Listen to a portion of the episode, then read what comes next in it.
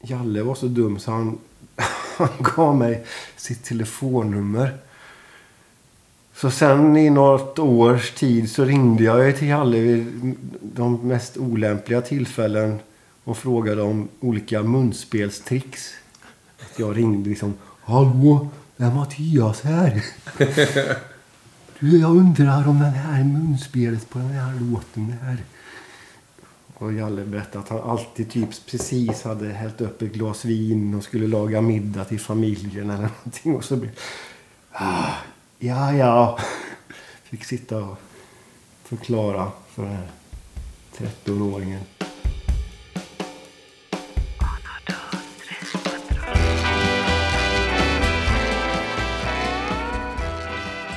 Jag är, jag är beredd. Vad härligt. Välkommen hit Mattias Hellberg. Tusen tack. Eh, det här är en podcast som heter Jag spelar för livet. Mm. Och vi träffar eh, musiker och artister som vi tycker om. Mm. Som vi vill veta mer om. Ja. Och eh, jag brukar ställa lite snabbfrågor och sen så går vi igenom vad du har gjort, vad du har spelat och vad du älskar. Ja. eh, När det kommer till musik. ja. Så vi börjar lite snabbt då. Namn?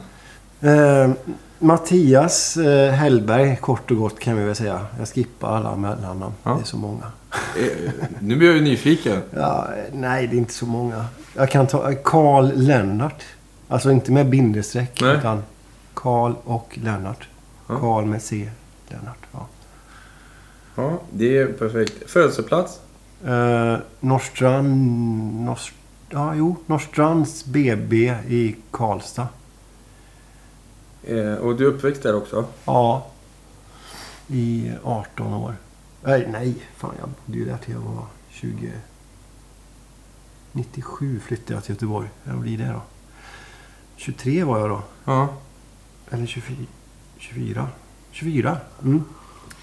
Ja, inte firar du så, snart- inte så noga. Firar du snart 20-årsjubileum som Ja. Ja, Exile eh, Karlstadbo? blir det det? Mm, nästa år. 20, ja. Det blir det. Eh, yrke då? Musiker är det ju nu. Eller har varit ganska länge faktiskt. Eh, Jag har inte jobbat med något annat sen 2004. Så du är det- artist också ibland, så att du eget namn och kör? Ja, ja. Det gör jag också. Jag har, jag har släppt fyra soloplattor och en femte som väl var mer en liten summering av eh, 20 års eh, inspel, alltså släppta skivor. Mitt första band, Nymfet Nodlers, släppte sin första platta 90... Eh, Fyra. Fyra blir det. Och sen så kom jag på det då eh, 2014 när jag hade egentligen börjat att göra lite demos för en helt ny platta. Men jag kände att jag hade ingen riktig riktning på vad jag ville göra för en skiva. Och då så kom jag helt plötsligt på att det hade varit kul att åka ut och spela bara med mig själv. Jag har alltid spelat med band eller haft med, eller ja, jag har alltid haft med någon annan. Så jag kände lite grann för att och, och, och liksom ta en sån solotur verkligen och pröva det. Och bara åka ut med elgitarr.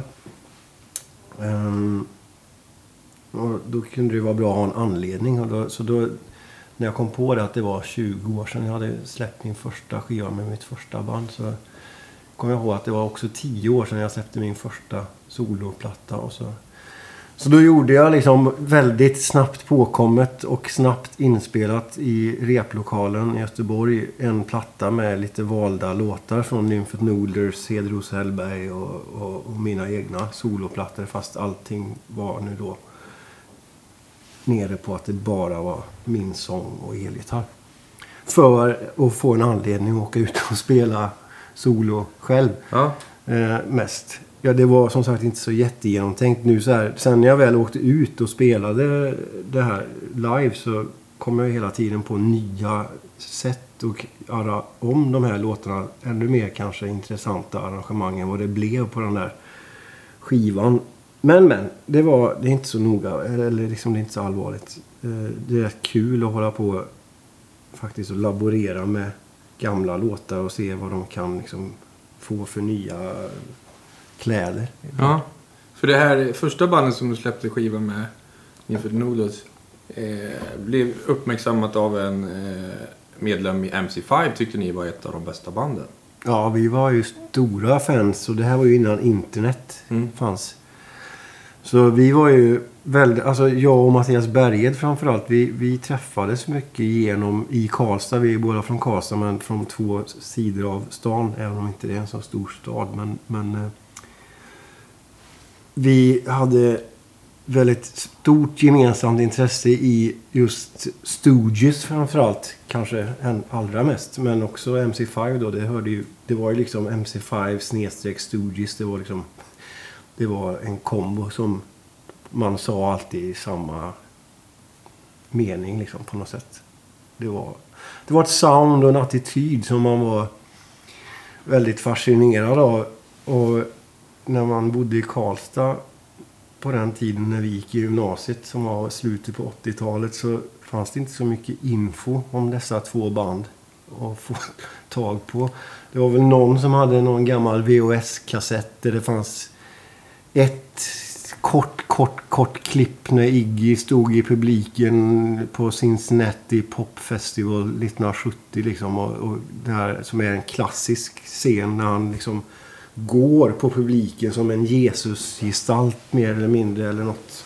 Eller någon sån grekisk Dionysos-figur. Och, ja, det ser så otroligt fräckt ut. Han har väldigt trasiga blå jeans, bar överkropp, fan, jävligt fitt kropp. Och silverlaméhandskar. Och det där fanns liksom ett kort, kort, kort klipp på någon sladdrig VHS som vi liksom tittade på tusentals med gånger. Liksom. Och fantastiskt fascinerande. Sen så var det faktiskt en svensk kille som hette, tror jag, Peter Nielsen som hade skrivit en bok om Iggy. Inte så jättetjock, men eh, ändå. Och där, han hade liksom ganska bra gjort bra research. Och den där boken hade Mattias Berghed. Och den lånades också runt liksom i kompiskretsarna där.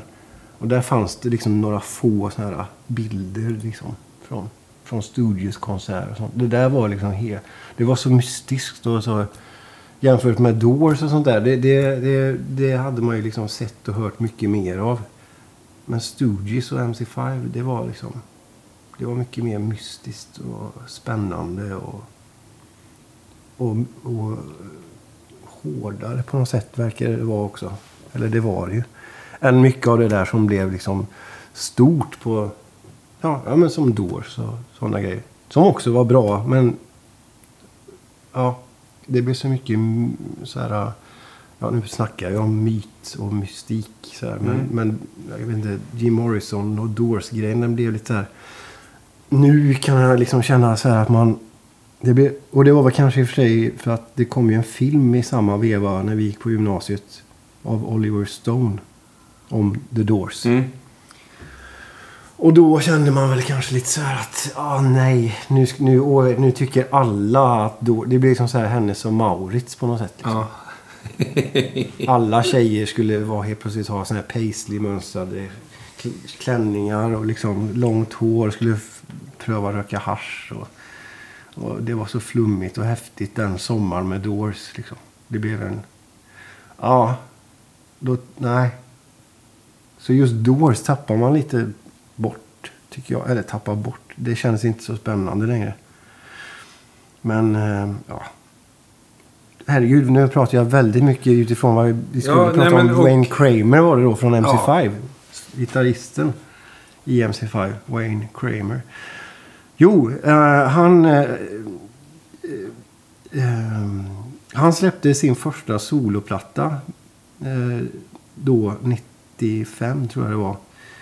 Eh, och skulle komma på Europaturné.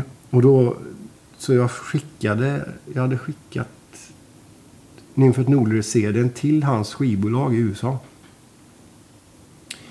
Och sen så då åkte jag och Mattias ner för att gå på konserten på eh, Underground i Göteborg. Eh, och eh, stod på bängan och bläddrade i skivor som man alltid gjorde när man åkte till Göteborg. Så var det en snubbe som heter Lars Ax som jobbade där. Som, som var hyvens, hyvens filur. Och eh, han kom fram till mig och Mattias och sa Tjena grabbar, fan, har ni sett GT idag eller? Eh, nej, så här, vadå? Så, ja vad fan väntar du?” Kom han tillbaka så var det som ett ganska stort uppslag med intervju med Wayne Kramer. Ja, och så, så stod det då liksom mycket om MC5. Och, ja, han, han, har ju liksom, han satt ju i fängelse på 70-talet för heroinförsäljning och han var ju ganska illa där ett tag.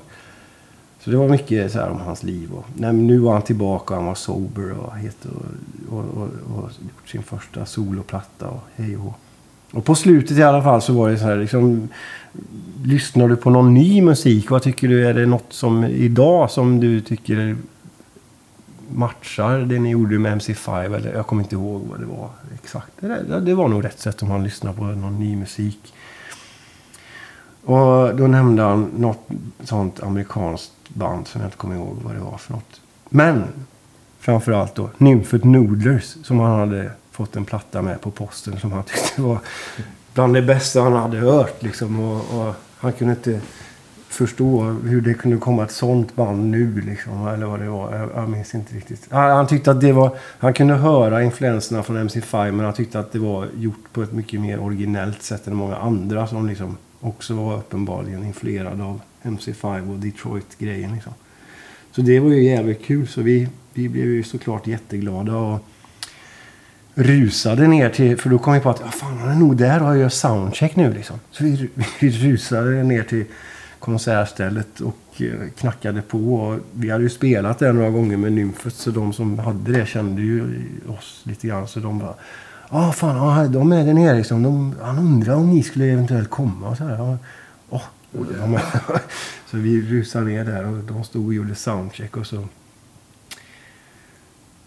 eh, så stod vi väl där och smög lite en stund. Men sen när de var färdiga så smög vi oss fram och presenterade oss. Och då var det liksom Oh my brothers! så, så ja, sen var så, han var jättesnäll. Vi fick MC5 t-shirts och han berättade massa stories och grejer.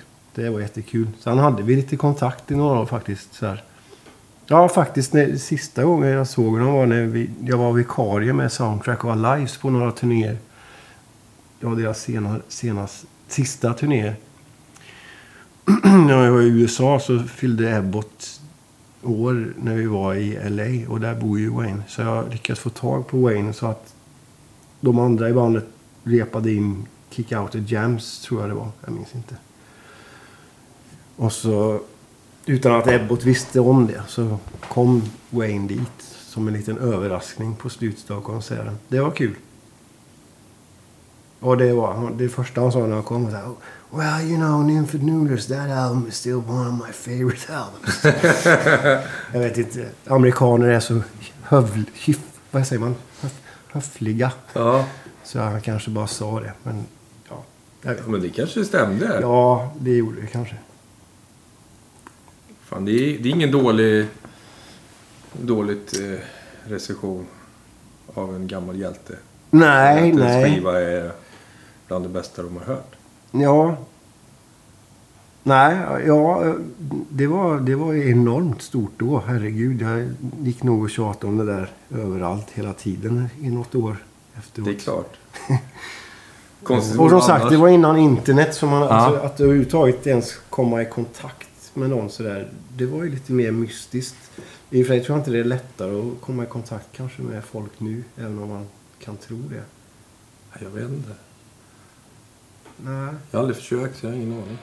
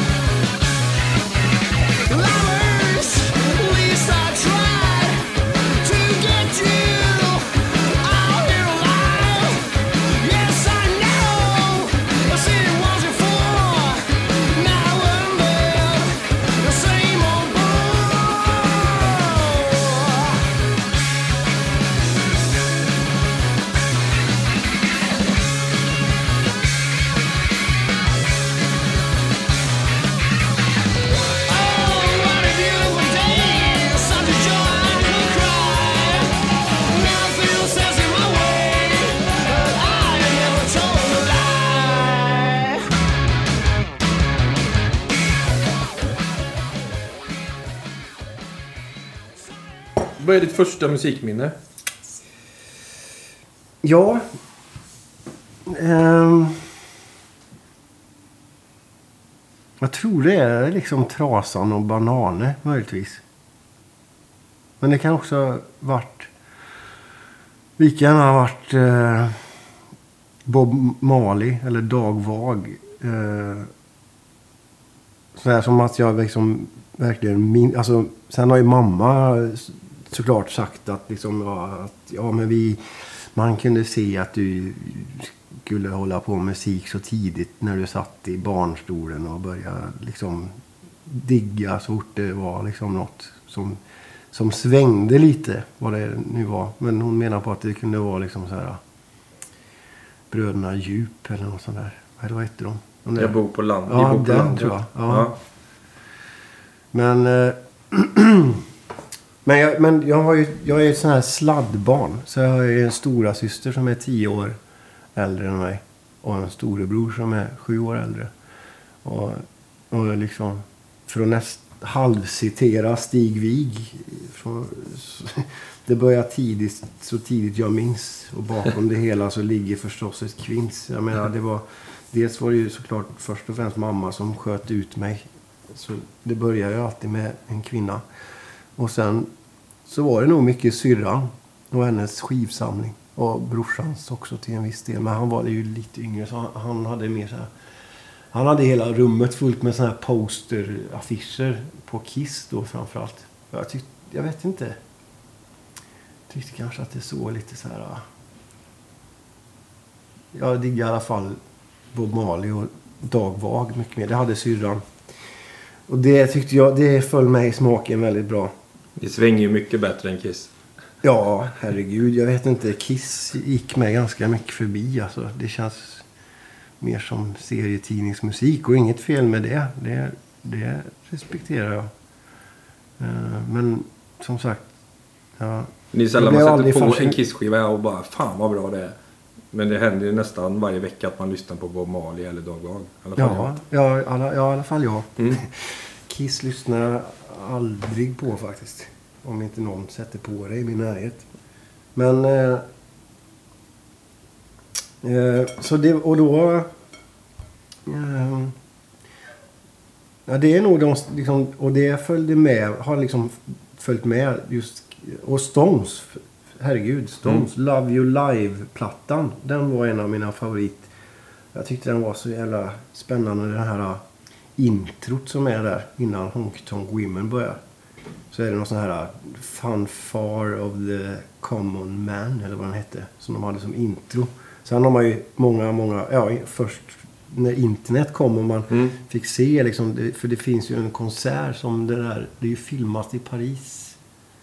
Eh, så de hade ju någon sån här kinesisk drake som de sprang i, i, genom publiken med. Och så är det någon sån här boom, boom, boom, boom, trum, eh, mysko och så kommer den där du, du, du, du, du, du, grejen och så och sen så hör man hur Charlie bara bara liksom gör sin vanliga lilla test av trumsetet. Och sen så kommer det ett extremt segt intro av Keith på...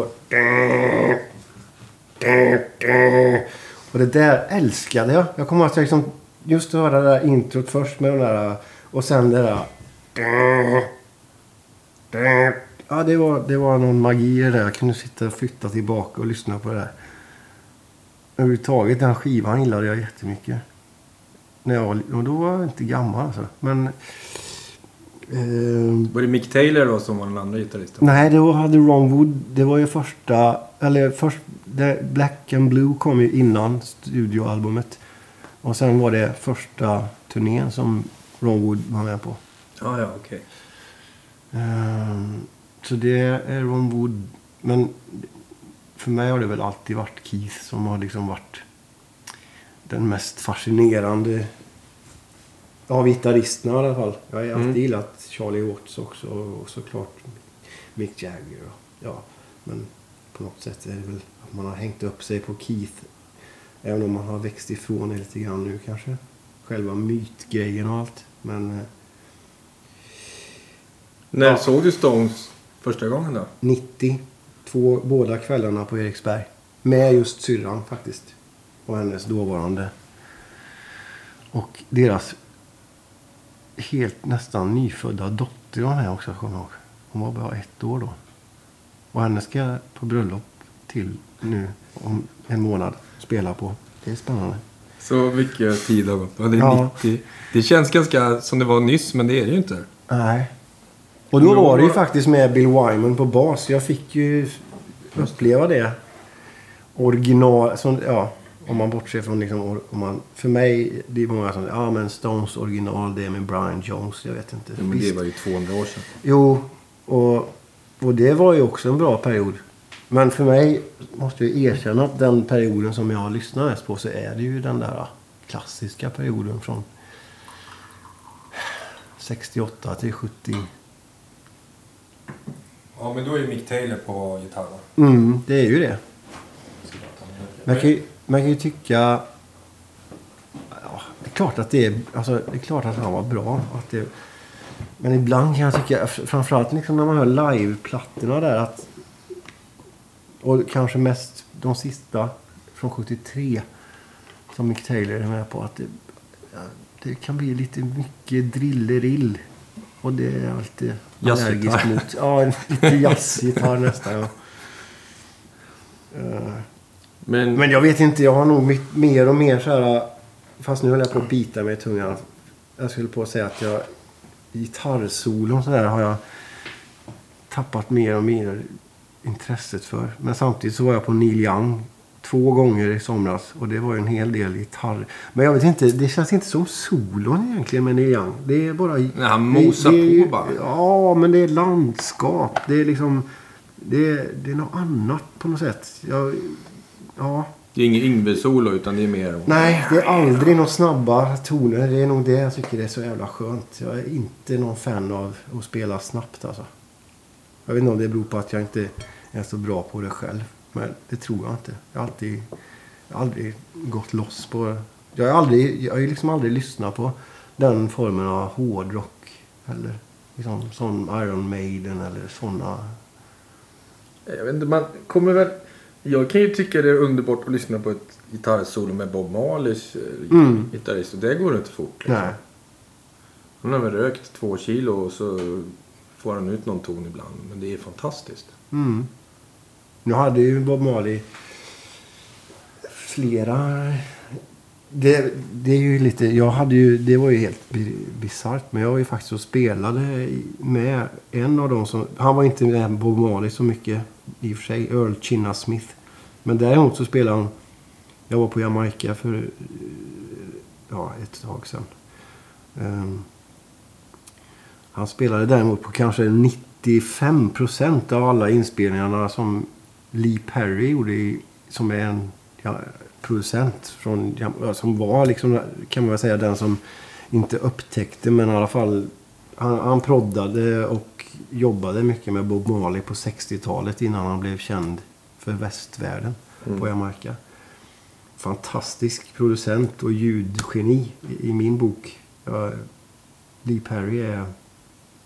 Ja, Han är väl en av dem som hittar på dub också. Ja, det var det ju. Och det har jag haft en ganska... Alltså hans sätt att mixa och använda ljud och, och liksom utan några eh, restriktioner eller regler. Det, det öppnade nog vägen för många just i, i dansmusik. Mm. Men även till en viss del kan man ju höra det i, i, i att han också påverkade rockmusik. Men... Så när jag var där på Jamaica så... En av mina stora drömmar var ju faktiskt... För han, han eldade ju upp sin legendariska Black Ark-studio på slutet eller början... Alltså, det var väl kanske 80. Eller om det var 79, jag minns inte.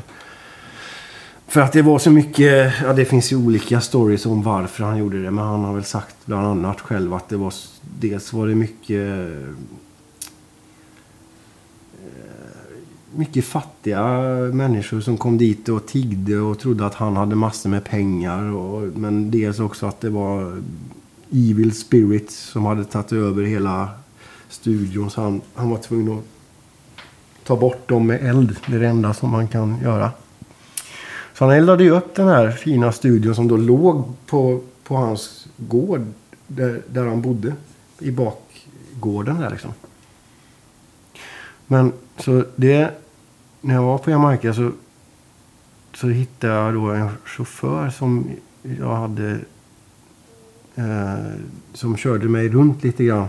Och han körde mycket av musikerna där. Bland annat Chinna Smith, den här gitarristen som jag pratade om. Som då spelar mycket med... Eller på Lee Perrys studioinspelningar. Med alla, han producerade ju massa artister. Så det var ju... Det pågick inspelningar där dygnet runt i princip. Men den här chauffören, han visste ju vart studion var såklart. Så han, vi åkte dit. Och eh, först kom vi dit utanför. Och det är lite utanför själva Kingston där. Eller ja, det hör ju till Kingston, men lite utanför själva stadskärnan. Och så liksom när man såg den här, ah, jag har ju sett bilder därifrån och när jag såg liksom gaten in där och det bara hängde, Lee Perry är ju liksom, han, om man har sett honom eller någonting, han, han, han gillar ju att dekorera sig själv. Det är liksom CD-skivor fastlimmade på kepsen och massa små figurer och mycket färger och grejer. Så man såg ju direkt att det där, där är det. Och så stod vi liksom och tittade in och man såg mest lite duvor som sprang omkring där inne och sådär. Men så, så... Och jag knackade lite försiktigt så här, men det var ingen reaktion. Så till slut, så, han som hade kört, han, han gick över och bara ruskade på gaten och ropade in där. Så det kom det någon. Och då var det Sean Perry. Jag kände igen honom på bild, från bild också. Så här. Hans ena son. Eh, så han öppnade bara. Ja, ja visst, det kom in. Så kom jag in där liksom helt plötsligt och var inne där. Och det här är liksom inget museum eller någonting som är öppet utan det. Ja, då vet jag inte. Då, då blev det liksom så här. Det var, för mig var det kanske som att upptäcka pyramider, eller se pyramider om jag hade varit eh, fruktansvärt... Eller jo, det är klart jag hade gärna sett pyramider men... Eh, att komma in på gården där och liksom se... Ja, jag kände ju igen liksom allt där. Och så kom man runt huset och så där var den nedbrända studion. Det var liksom... Så hade de börjat försöka bygga upp lite grann igen så här, men det var ju mest bara en ruin så här. Eh, och så liksom, ja där var mixerrum, bo, mix, liksom där hade han ju liksom, och där så var det bara ett litet hål in där studiorummet var liksom. Så låg det en gammal trasig säng och någon presenning och gamla risbuskar och sånt där inne bara. Man kunde liksom inte se att det hade varit en studio förutom att man såg då att ja, där var kontrollrummet, där var fönstret in till studion. Och sen var det en del sån här uh, Lee Perry graffiti som man känner igen. Han har skrivit massa sådana här Cock makes the pussy wet och sådana där slagord. Ehm, ja, jag vet inte, jag blev, jag blev starstruck av att vara där, eller vad man nu ska säga. Fick du träffa honom då? Nej, Lee Perry bor i Schweiz.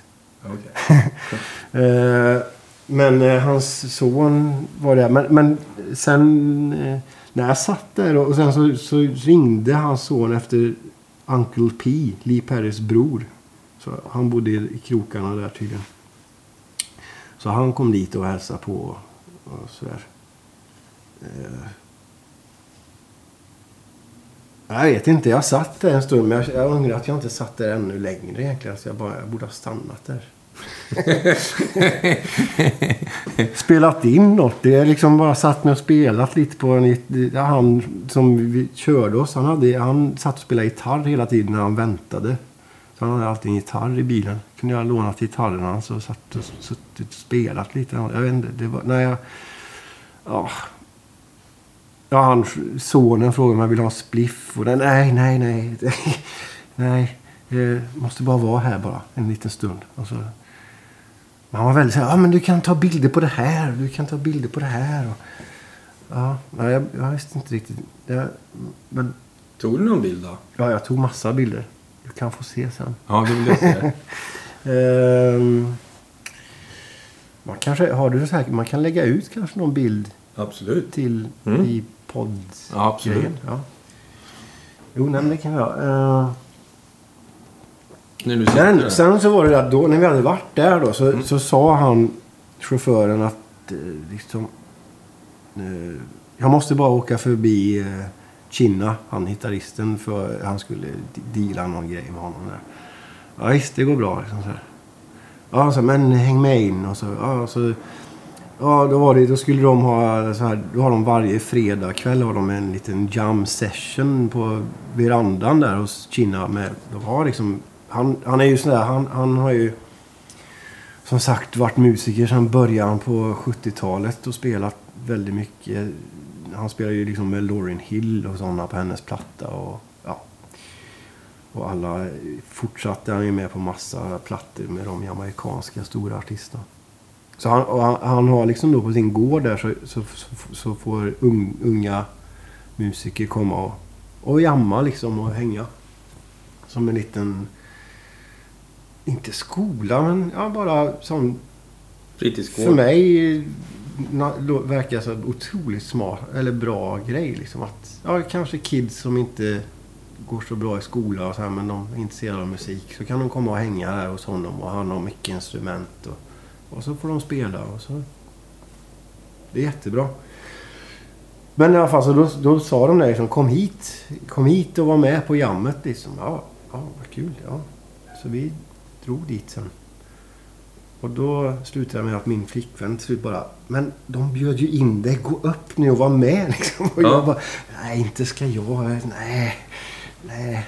Ja, så till, ja, men till slut så hamnade jag ju där och så... Ja, det var ju helt sjukt liksom. Sitta och spela Concrete Jungle med Chinna som då har varit på... Han var med på Rastaman Vibration-plattan med Bob Marley som är en av mina favoritplattor. Och den turnén som var efter den. Och så, och så då alla de här nästan Lee Perry-inspelningarna. Det, det var... Ja. Ja, det är konstigt. Kunde du men jag fick spela och, och Ja, ja, ja. Stod du där ja, Nej, så här- ja, det, det var så jävla cool och skön stämning så jag vågade... Jag, jag tog för mig faktiskt. Spelade solon och grejer där. Mm.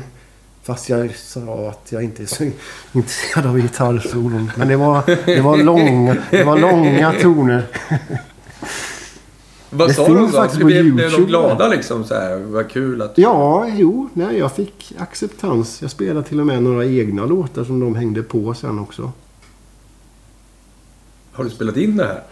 Nej, men de livestreamade och gör varje gång. Varje fredag så livestreamar de. Och sen klipper de ihop det de tyckte var bäst. Och det finns faktiskt... Det finns den kvällen med alla andra, som, för det var ju flera som var där och sjöng. Och, Mm. så det finns på Youtube. Eh, Inna the Yard... Inna the Yard Sessions tror jag det heter. Mm.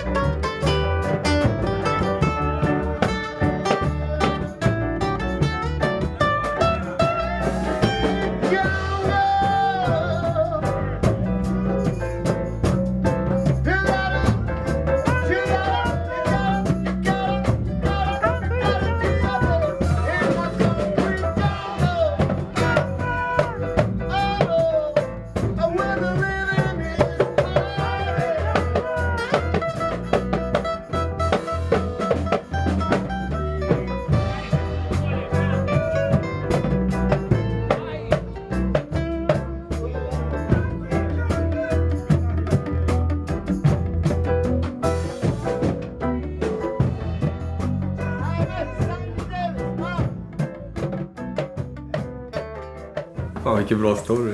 Det är som att få åka till Jerusalem och Ja. bli jättekristen och Ja. hänga med Jesus typ. Förmo- ja, förmodligen. Förmodligen. Ja, grattis. Ja, nej, det var lite...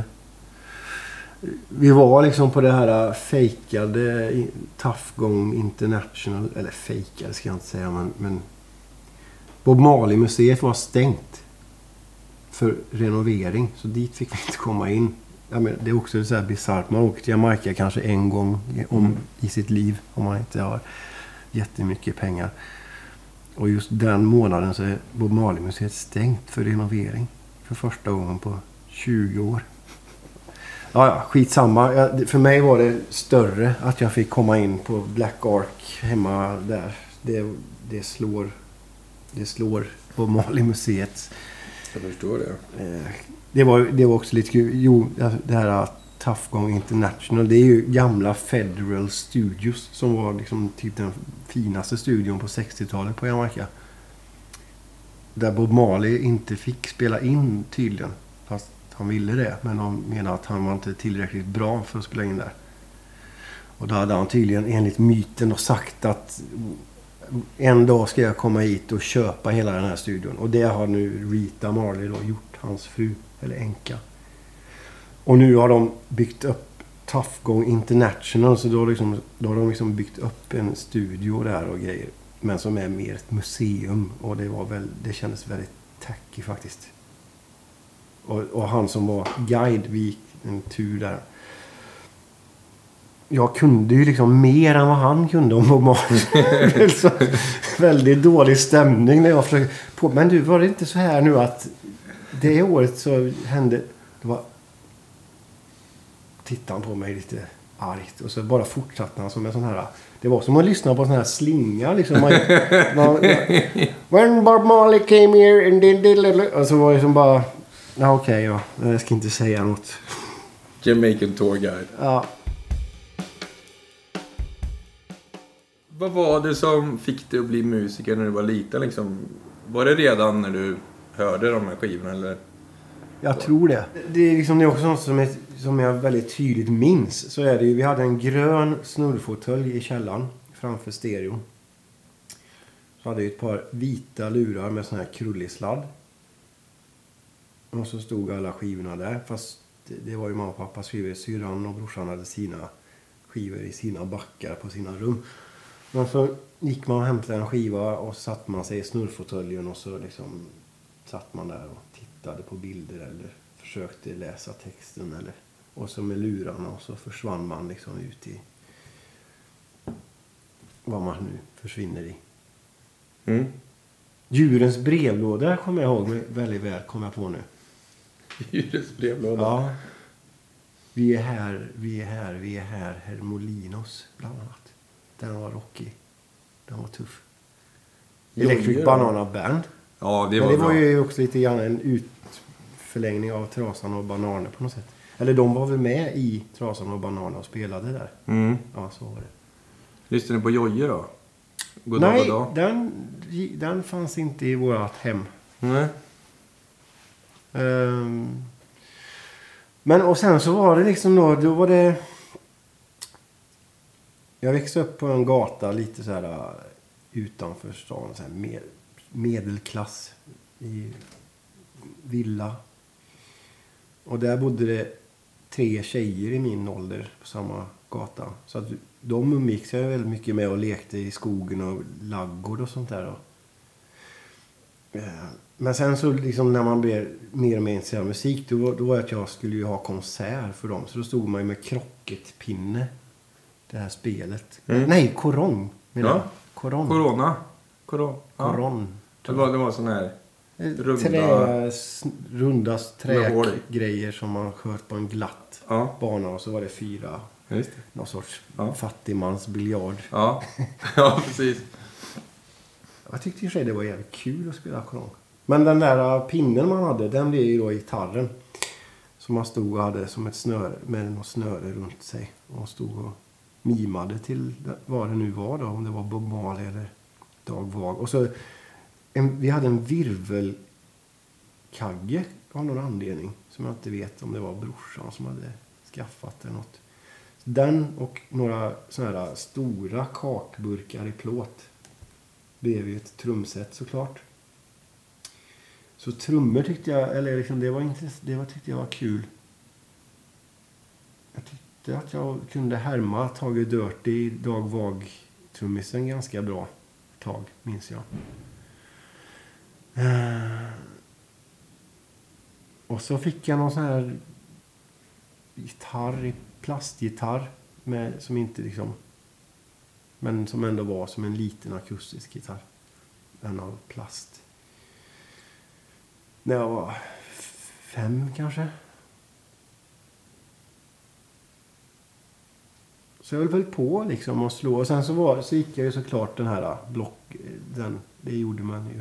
Blockflöjt först och så fick man välja då om man skulle spela gitarr eller piano på, på TBV eller kommunala musikskolan. Ehm, Vad valde du då? Ja, då valde jag ju först... Eller ja, då valde jag gitarr efter att man hade gjort blockflöjten. Så valde jag ju gitarr.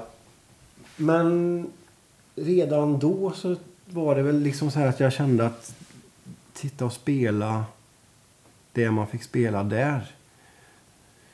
Även om de hela tiden sa att man måste göra det för att sen kunna spela det där man vill spela. Så det var svårt att få in det i, i liksom sin tanke, inställning. Mm, man blir rockad direkt. Ja. Så att jag tappade intresset för det där. Och sen så blev det väl faktiskt så att jag tappar intresset så pass att jag... Eller sport kom, dök upp. Det blev bandy och fotboll och allt möjligt. Pingis, badminton.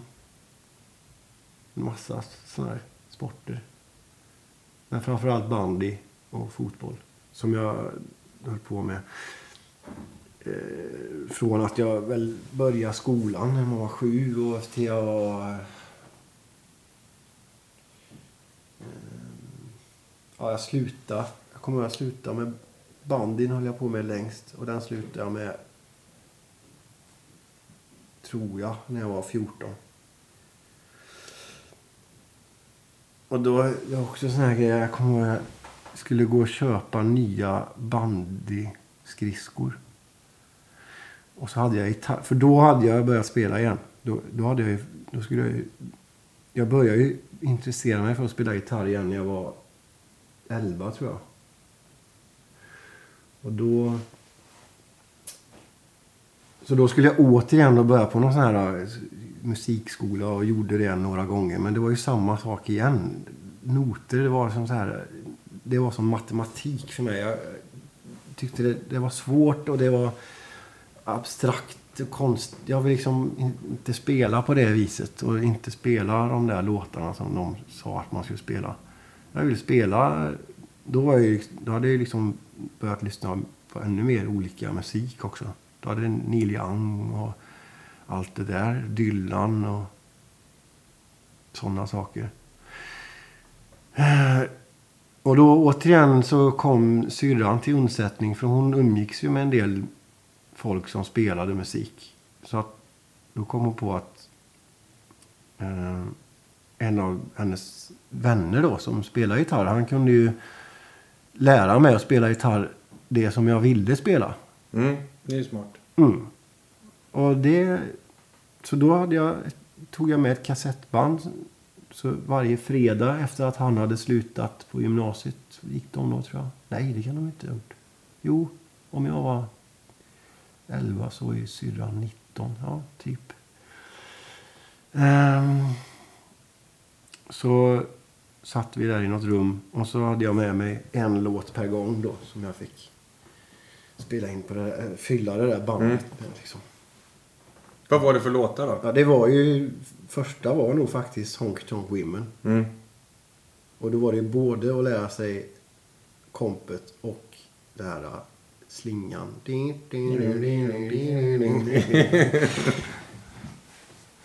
Eh, Ja, där började det. Mm. Det är ingen dålig start. Nej. Sen minns jag, jag minns mest den. Alltså jag har nog den där, vi hade en sån här äh, liten sån här rutig bok som, som man faktiskt hade i matematiken. Om du minns. Ja, just det Så här med häftet rutor. som- Ja, just det. ja. Och så ritade han då upp gitarrhalsen och så här. Och så gjorde han strängar och så prickar. Så här, liksom. Där ska du sätta. Det var jättebra. Ja. Skitbra. Och så fick jag ju då spela elgitarr också. Så jag köpte min första elgitarr för egna pengar. Jag för mig att den kostade 1000 kronor på en annons i Nya Värmlandstidningen. Och det var en Gibson Les Paul-kopia i sån ful, ful, heter fur, alltså ljust trä. Och den hette Gerson. Jag vet inte om det är därför jag aldrig har blivit attraherad av att ha en Gibson Les Paul-gitarr sen dess. Vad spelar du på helst då? Nu? Mm. Eh, ja, det är ju... eh, Jag... Nej, men nu... Jag har ju lite för mycket gitarrer. Mer än än vad man egentligen behöver. Men det är ju liksom... Gitarrer är ju... Det är ju små individer alltså. Mm. Så är det ju. Och det är någonting med... Om det är någon gitarr man inte har spelat på kanske flera år så är det som att, ja men oj, jag ska ta upp och spela på den. Så, så är det, ja just ja, den här ja. Och så, så börjar man kanske spela på ett lite annorlunda sätt än Mm. vad man gör på den som man har för tillfället spelar på mest. Och, men, ja, ja, men just nu så är det jag spelar på som min huvudgitarr just nu är väl en, det är en Levin. Men ingen, ingen sån här äh, gammal byggd Levin utan det är en Levin som en snubbe som heter Bertil i Göteborg som köpte upp rättigheterna till Levin när de la ner. Om jag förstod, har förstått det rätt. Eh, och eh, så hade han, jag, jag vet inte säkert, han har tyvärr gått bort också så jag har inte någon möjlighet att, att få klarhet i detta. Om inte hans son som jag har haft lite kontakt med kan, kan hjälpa mig med det. Det ska jag faktiskt fråga honom. Men, eh, han, han, han byggde då två modeller el eller semi akustik eller jazzgitarr eller vad man ska kalla dem. Eh, halvakustiska Mm. gitarrer. En är en sån stor jazzburk tjock. Och en är mer som en, ja, någon, en 330 335 Ja. tunnare. Den tjocka jazzvarianten köpte jag eh, i Göteborg när jag flyttade ner dit eh, på mugg. Eh, kanske, jag minns inte riktigt, 2005 kanske. Och pickuperna var inte så bra. Så de har jag bytt till Lundgrens eh, revolvervariant som är en P90 i, i handbacker size. Eh, Lundgren som jag för övrigt har väldigt stort förtroende för och har nästan i, ja, jag har använt mycket av hans olika, eller han har gjort väldigt mycket olika i- ut efter mina önskemål faktiskt. Jaha, så då är det så bra. Du kan gå dit och säga att nu vill jag ha så här och så här så fixar han det. Ja, vi har lite sån Mm. fin connection att jag kan förklara och så tycker han att det är spännande att pröva och Mm. se om man kan göra det. Och oftast så lyckas han över förväntan. Han är jävla duktig alltså. Så det bytte jag på den. Men så, så jag hade den där stora jazzburkgitarren första turnén jag gjorde med Håkan. Ehm, och då, Hellström. Håkan Hellström, ja. Mm. Ska man säga.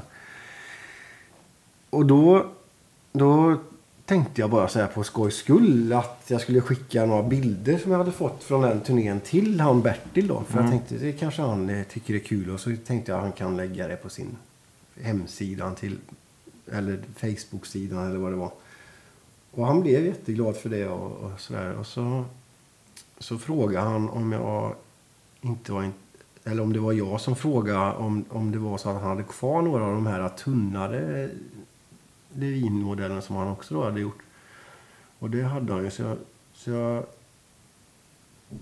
um, han ordnade en sån. Och så bytte jag pickup på den också. Den har jag bytt pickup på tre gånger nu. Utifrån olika Lundgrens projekt. Eh, Just nu så är det den då som är min, den jag spelar på kanske mest. Faktiskt. Jävligt bra gitarrer. Mm. Och jag vet inte så många andra som har dem. Det, är alltid kul tycker jag när man har gitarrer som inte så många andra har. Ja. Men när du spelar till, till exempel med Håkan, hur många gitarrer har du på... Då har jag tre... Eh, jag har faktiskt bara... Nu sist på Ullevi så hade jag bara två. Mhm. Ingen akustiska, så här, du spelar bara el? el eller bara... Ja, den och så har jag en tele som jag höll på att sälja förra året för jag hade så dåligt med jobb. Så Mm. jag trodde att jag skulle vara tvungen att sälja den för att det var den mest värdefulla gitarren jag hade. Jag behövde ha pengar. Så jag hade ute den på annons faktiskt. Men det var ingen som gav mig det priset som jag hade satt. Så att, som tur var så precis innan, när vi, eller precis när vi skulle börja spela igen med Håkan. Börja repa inför Ullevi, Ullevi så insåg jag att shit fan, den, den var det. när jag spelade med Håkan på halva gigget ungefär. Så det var tur jag inte sålde den. Inte bara därför, för det är en jävla bra. Det är en custom-tele från 78. Som jag köpte av Conny Bob Hund faktiskt för många, många år sedan. Han, den hade fått dålig karma kände Conny för den var med, den var, de hade inbrott i Bob Hunds replokal. Så den var med på Efterlyst. Faktiskt. Och sen hittades den i ett, det var någon som hade hittat den i ett soprum. Ett soprum. Mm. Men inga smarta tjuvar alltså? Nej, jag vet inte. Men den har jag och den funkar jättebra. Kan du nämna några artister som... Eh, du har ju nämnt eh, Dag Wag, Bob Marley, eh, Bob Dylan och Neil Young. Stones. Är det de, och och Stones, är det de fem som är din, dina liksom foundation stones i din pyramid? Eh, ja, det är väl så att man har de där grundpelarna på något Mm. sätt. Och det där är ju ganska många som har dem. Mm. Just artisterna. Ja, musiker brukar det är ju ingen som inte tycker om det nästan.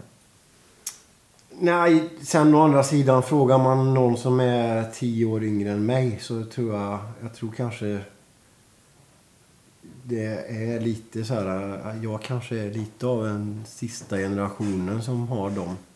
Mm. Jag vet inte, jag får för mig det lite grann. Att, att nu eh, har det ändrats. Vad gillar de? Gillar de så här level 42? Det vet jag däremot inte.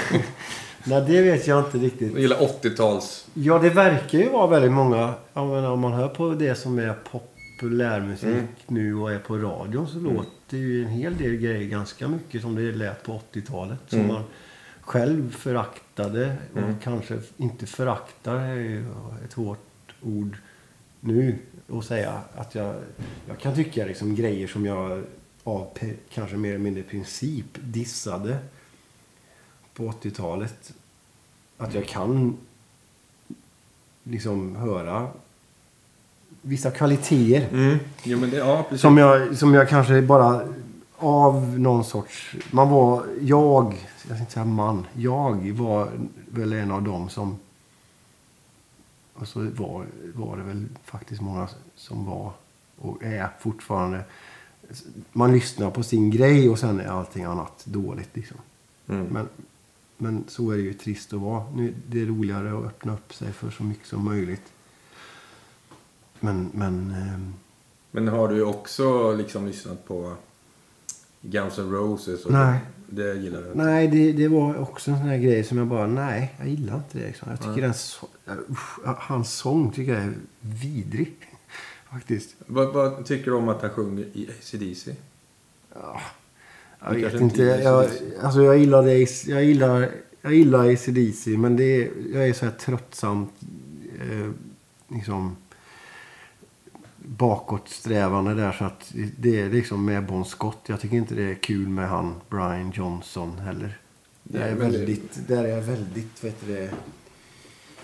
Principfast. Ja, Ja, ja är- konservativ. Jo, men det, det tycker jag hedrar dig. Ja, Men... Eh, och det är ju, men det är också jäkligt bra. Sen kanske jag inte lyssnar på det så ofta längre. Nej, men, men när jag hör det så är det ju, alltså Power Age bland annat, den plattan är ju helt grym. Det är, usch, ja, det är väldigt bra. Gun Shooting Ja, också. bra. Fantastiskt bra riff. Fy fan. Ja. Ja, nej men ACDC där med Bon Scott, det är gyllene fint. Men sen, ja nej, Axl Rose och Guns N' Roses, det gick aldrig in i Mm. mitt... Men alla, jag jag tänker på det som Stones och AC/DC när man lyssnar på de här bluesgubbarna och Chuck Berry. Var det någonting? Eller? Mm. Ja, fast ändå inte... Ja, visst, jag lyssnade på en hel del blues där när jag började spela gitarr. Men jag, jag, jag blev också lite så här trött på det, liksom det här... Du, du, du, du, du. Men nu har jag liksom... Alltså då liksom övergav jag det lite grann. Men sen har man ju... Sen under senare Mm. år... Eller ja, för länge. Nu är det ju länge sedan. Men att man upptäckte att det fanns lite mera... Att det var ju inte bara durt, durt, durt, durt, durt. Utan det fanns ju ett annat ut... Och framförallt olika sångare. Som, alltså Howling Wolf är ju så jävla hårt. Det är ju überhårt. Mm. Vilken, vilken, vilken, vilken voice liksom. Och vilket uttryck. Och han, Hubert Sumlin heter han va? Som spelar gitarr. Fruktansvärt bra gitarrist. Eh, och, och, och liksom... Och massa, framförallt mycket gammal obskyr soul. Eh, ni vet som jag sa, obskyr bara för att säga prata om sånt som folk inte har hört. Men, men jag har ju liksom grävt. Jag spelar ju även som DJ en del. Och har gjort i många år. Eh, mm, så att då har det blivit att jag tycker det är kul att hitta sådär. Och det har ju kommit så många bra skivbolag de senaste 10-20 åren som har liksom experter som DJs också om jag har förstått det rätt. Som åker runt liksom och går på sådana här flea markets och hittar och Ja. sådana singlar som kanske gavs ut i 100 ex och på någon liten label i, här och där. Det finns en, en, ett skivbolag som heter Numero Group som har gett ut så här, jag vet inte hur många de är uppe i nu, massa så här där de har ja, hittat så här nedlagda lablar från 60-talet som har massa tejper med liksom otroligt mycket bra rå gammal soul och blues och funk och grejer. Är det så här Little Milton? Är det någon som du tycker om? Ja, men här snackar vi sådana som man aldrig hört talas om liksom förr. Okej. I princip. Och gospelsamlingar med sån riktig... Ja, Numero Group är en bra sån label. Och så finns det ju Soul Jazz som har gett ut väldigt mycket bra jamaicansk reggae och allt möjligt i allt vad reggae-genren är. Och de ger ju också ut massa bra funksamlingar och, och elektronisk musik från förr och, och latin och ja, de har gett massa bra grejer. Soundway är ett annat sånt bolag som ger ut mycket afrikansk musik som ingen vet, visste om nästan förr i västvärlden. Afrikansk funk från 60 och 70-talet som är så otroligt fräck och dansant med liksom afrikanska rytmer men också influenser från James Brown och, och psykedelia och jävligt fräcka gitarrister där som inte, ja, det är verkligen helt out ibland. Ja, det, det finns många sådana etiketter nu som ger ut sånt där som har legat gömt och som är otroligt häftigt att hitta och, och lyssna på och spela ute också. Ja. Men kommer de ut på vinyl eller, Mm, de flesta av de här eller läggs de upp dem på streamingtjänster också? Det så? finns, vissa finns på, på Spotify och sånt. Men framförallt så gör de jäkligt snygga vinylutgåvor. Mm. Vilket är ju ru- ruinerande. Jag, Mm. jag har verkligen... Jag, min revisor har sagt åt mig att jag får sluta köpa skivor. Så nu jag, jag köper jättelite skivor nu för tiden. Eh, jag köpte väldigt mycket skivor för. Men nu är det... Nu måste jag prioritera lite. Eh, och då får tyvärr skivköpandet... Jag, jag köper... Jag, liksom, jag, jag får göra som så att jag... För jag fortsätter ju att spela mycket skivor ute och då...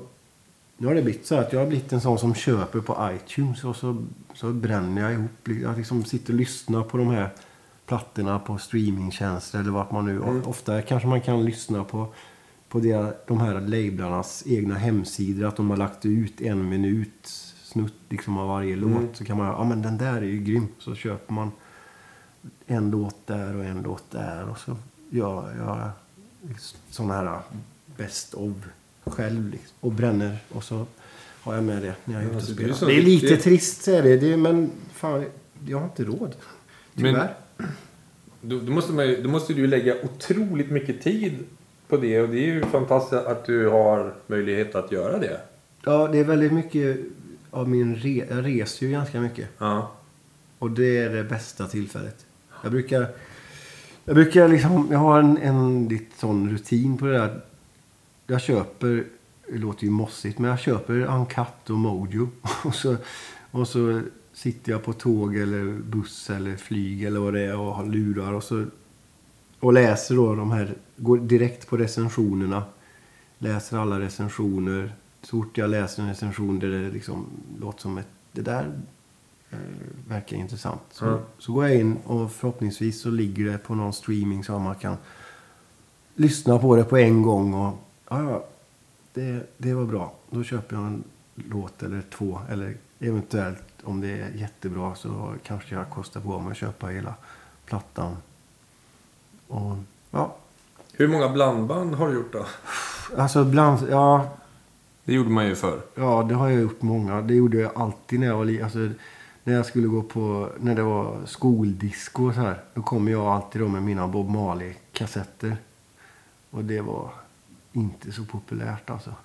Fanns det andra som du kunde prata på Mali med? Ja. Eller vad tyckte de andra mer om Samantha Fox? Och... Ja, ja de, det var ju, de flesta var ju, det var ju mycket, det var ju mycket disco och... Och så var det ju det här syntare, hårdrockare var det ju. och du var ingenting av det? Nej. Det var liksom Alphaville. Eller var det... hår, äh, Twisted Sisters. Ja. Om man nu ska Ja. säga att det är Ja. hårdrock. Eh, Men så såg. Wasp. Ja. Eh, och att det där liksom... Att det var... Det är otroligt skojigt att, att det ansågs farligt med W.A.S.P. och Twisted Sisters. Men det gjorde det. Mm. Eh, nej, jag var inte det. Gav du bort så här liksom... Som du hade gjort liksom blandband så här 60 minuter eller 90 minuter som du gav till dina... Jag var sån 90 minuters kille faktiskt. Ja. Långa. Ja. Ja, det gjorde man ju.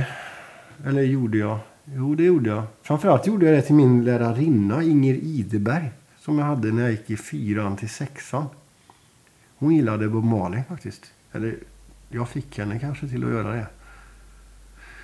Ehm nej, jag tror hon, hon, hennes söner, de var lite grann i syrrans ålder. Så hon hade nog hört Bob Marley därifrån kanske också. Men, men eh, hon var väldigt musikintresserad. Så att jag spelade in Bob Marley och lite Peter Tosh. Och sånt. Ja, märkligt. Ja. Du skulle ju ha hängt med liksom pappa Di då. Han var, ju, han var ju också en gäst där. Han sa att han var, det var han och hans brorsa Mm. i liksom Göteborg. De liksom lyssnade på så här på Marley men också alla de andra som inte är så kända men också så här eh, poeter, så här reggae-poeter. Linton och- Kwesi Johnson. Linton Kwesi Ja. och sånt där liksom. Jo, och, det- han- och var så, så fort det var skoldans så var det också, då kom liksom Daniel och jag vill lyssna på Linton och de andra ville liksom lyssna på Bananarama. ja. Så att, ja, du, han borde ju hängt. Jo, vi har träffats några gånger har vi gjort. Ni måste ju kunna prata obskyra låtar i två Ja, fast veckor. han slår mig nog ganska hårt på fingrarna där. Jag, är inte, han, jag tror han är lite mer sån här kalenderbitare som kan säkert numret på singlarna och sånt där. Jag är inte riktigt så bra på sånt. Jag är mer så här, fan, ja, det där var en bra låt och sen kanske jag inte kommer ihåg vad han hette som sjöng liksom. Men jag, då vet jag att den låten, den måste jag skaffa mig på något sätt så att jag har den och kan liksom sådär.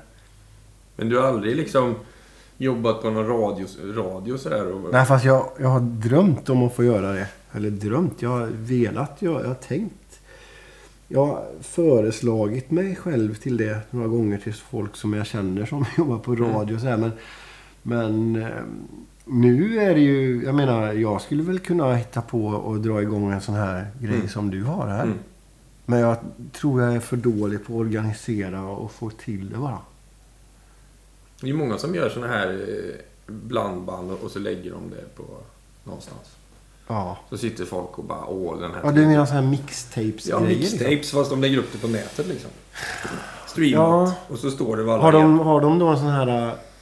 För jag har hört att man kan ha något program i sin dator. Att man kan, Ja. Som är som... Så att man kan liksom göra så att det låter... Att, Ja, de gör som ett radioprogram kanske, att de liksom fejdar ner så säger de ja, men det här var den här låten, den tycker jag jättemycket om. Men nu ska ni lyssna på den här.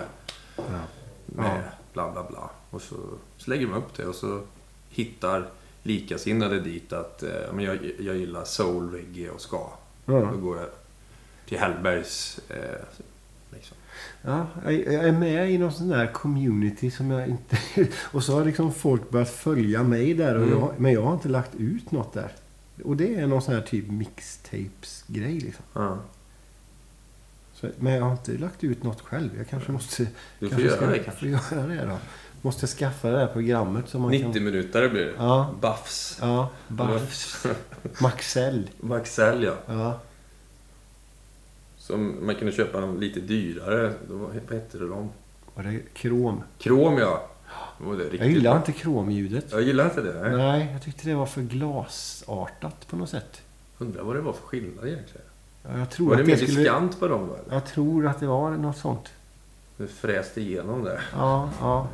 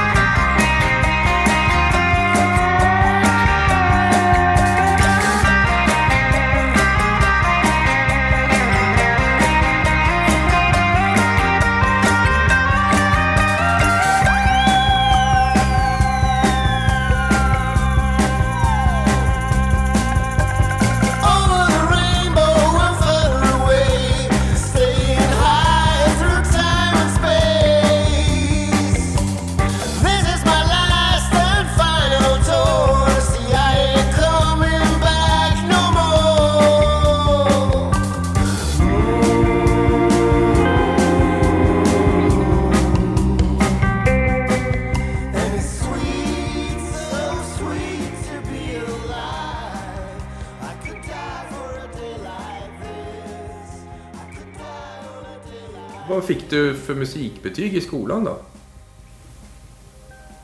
Ja, det minns jag inte. Jag fick nog... Fick jag betyg? Ja, det fick jag ju. Man fick betyg i sjuan, åttan, nian. Ja. Nej, det minns jag inte faktiskt.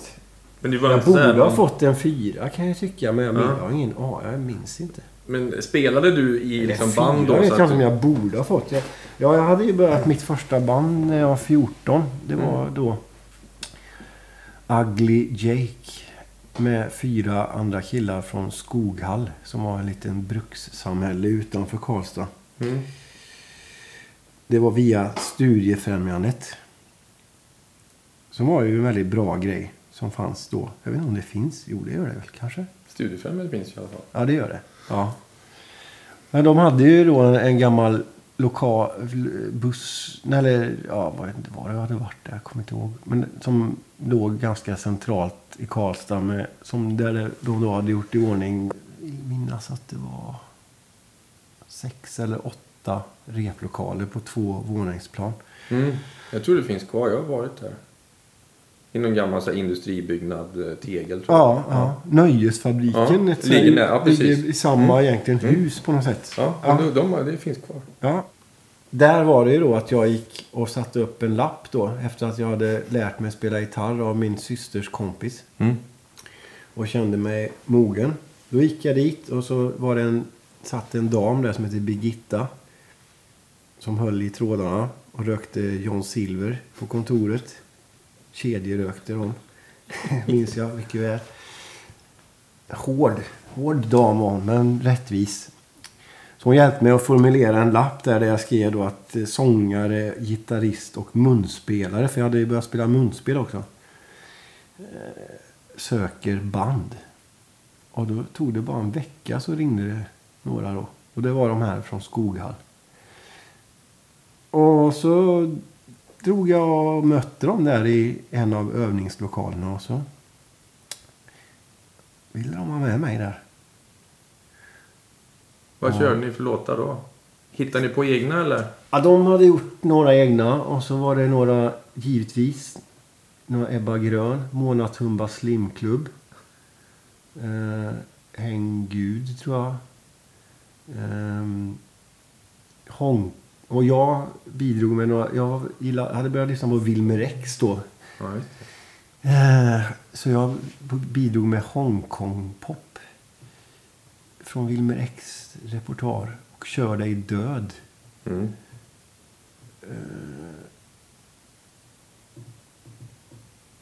Och faktiskt en Ulf Lundell-låt. Aldrig någonsin din clown. Bra låt. Ja, det var en ganska rockig låt för att vara Lundell. Eh. Och sen så försökte vi väl eh,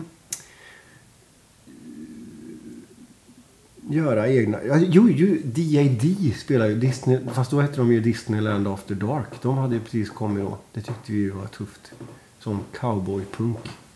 Eller punk. Cowboyrock var det väl. Läsen är här får jag ta Ja, det var, det var innan den. Ja, okej. Det var här var liksom första plattan. Så Riding with Sue tror jag. Och så Trucker hette också en låt som jag tror vi körde några gånger i alla fall. Men eh, vi försökte ju. Man, man ville ju gärna spel, försöka göra egna låtar. Så att, men vi spelade de där äh, och coverlåtarna. Men det som var med mig då, det, det var väl att då var jag ganska... Dels hade ju min syrra då och hennes dåvarande kille en, startat upp ett nattöppet café som var alltså nattöppet på helgerna. Och då ska man betänka att i Karlstad på den tiden så fanns det, tror jag, en pub som hette Paloma om jag inte minns fel. Och så fanns det Café Artist. Och så fanns det Stadshotellet. Det var, det var torra tider. Jo, det var ju det. I Karlstad. Och det var inte mycket, det var inte många som arrangerade konserter. Absolut inte. Ehm, men då hade jag, jag hade lyckats då komma in på, på Wilmer X faktiskt, på Stadshotellet. Tack vare att, återigen, syrran kände han som gjorde ljudet där. Så att jag fick till och med ledigt. Fick en lapp hemifrån. För det var, konserten var på en tisdag. Och det var 86. Då var jag 13. Jag fick en lapp med hemifrån att jag skulle få gå en timme tidigare för det var inlast på eftermiddagen. här. Så jag skulle vara med och bära förstärkare och gitarrer åt Wilmer X. Så det gjorde jag. Och så fick jag Nisse till att lära mig riffet till Siesta Round the Clock. Um, plus att Jalle var så dum så han, han gav mig sitt telefonnummer.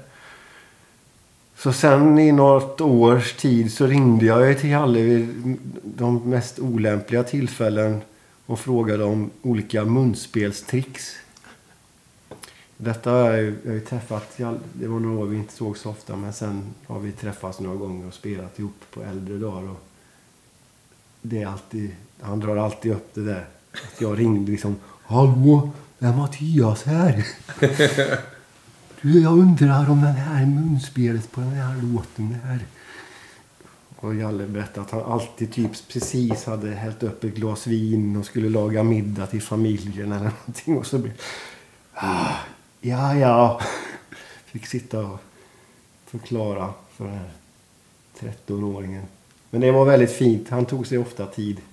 Och hade han inte tid så sa han ofta ifrån på ett vänligt men bestämt sätt. Du får ringa imorgon Mattias. Mm. Jo då, nej men så... Ja, men jag var väl sån där att jag... Det var det jag skulle komma till då att... Um, syrran var väl lite grann en spindel i nätet som man kan höra utav historiens gång. Ja, jag tycker du ska nästan tillägna det här programmet till din syrra. Ja. Jo, nej, men hon har haft en stor del i det här. Ehm så att jag då, jag, jag, jag ordnade så att vi fick göra första gigget med det här bandet som jag hade kommit in i på det här nattöppna kaféet. Förband till ett band från Skåne, från Malmö som heter Dolkovs. Som var ett otroligt bra band också. Som hade bara gjort en demo då, men då skulle de komma dit och spela. Och vi fick vara förband då. Då var vi alltså, jag var 14. Det var 87. Ja. Så det var scenpremiären. Eh, med eget band var där. På Jackos Café i Karlstad.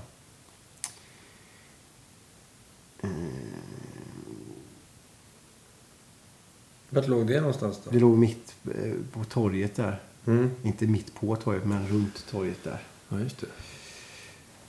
Eh, Blev senare Glada Ankan. Ja, men det tror jag.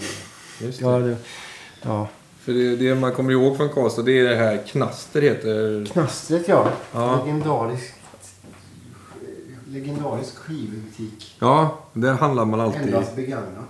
Mm, men underbart att gå dit och handla vinyl. Men det är också, det får, måste jag ju komma ihåg. Eh, I Karlstad, så när jag, något som var också väldigt viktigt förutom syrran. Det var ju skivaffären Riff Raff. Som jag tror var en av Sveriges bättre skivaffärer faktiskt. På den tiden. Eh, där fanns det bootlegs till och med. Bara en sån sak. Och en personal som var liksom musiker själva såklart. Och influerade en ganska bra också. Kom med tips och... Eller tvingade en att lyssna på vissa saker. Liksom.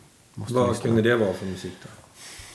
Ja, det var ju oftast, alltså det var ju, det var ju Åke, bland annat Åke Kjellback som hade ett band dessutom som hette Hollywood Indians. Som var väl det tuffaste bandet från stan på den tiden.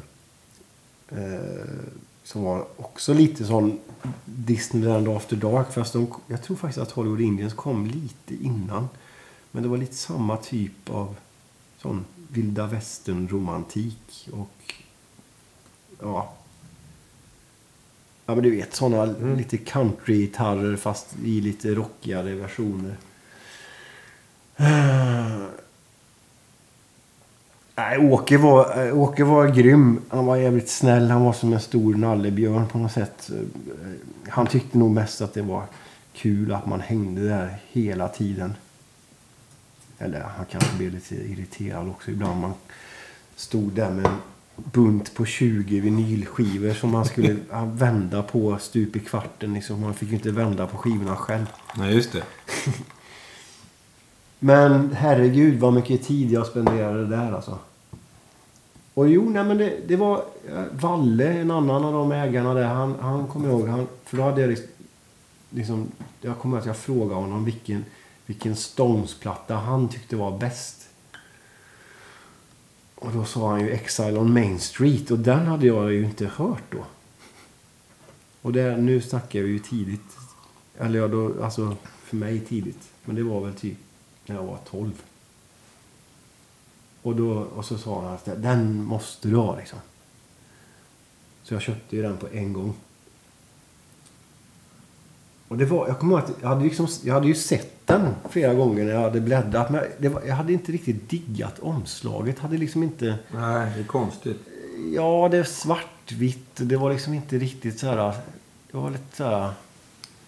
Ja, Det är något collage med massa Ja. gamla bilder från Ja, så här så det var, 30-talet. hade inte fångat mig riktigt. Det, det gav liksom ingen... Det gav liksom ingen bild av vad det var som var i den där skivan.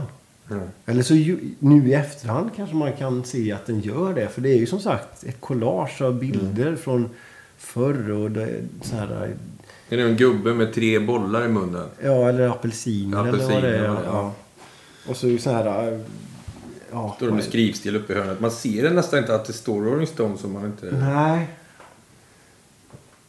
Men oj, det var ju spännande alltså.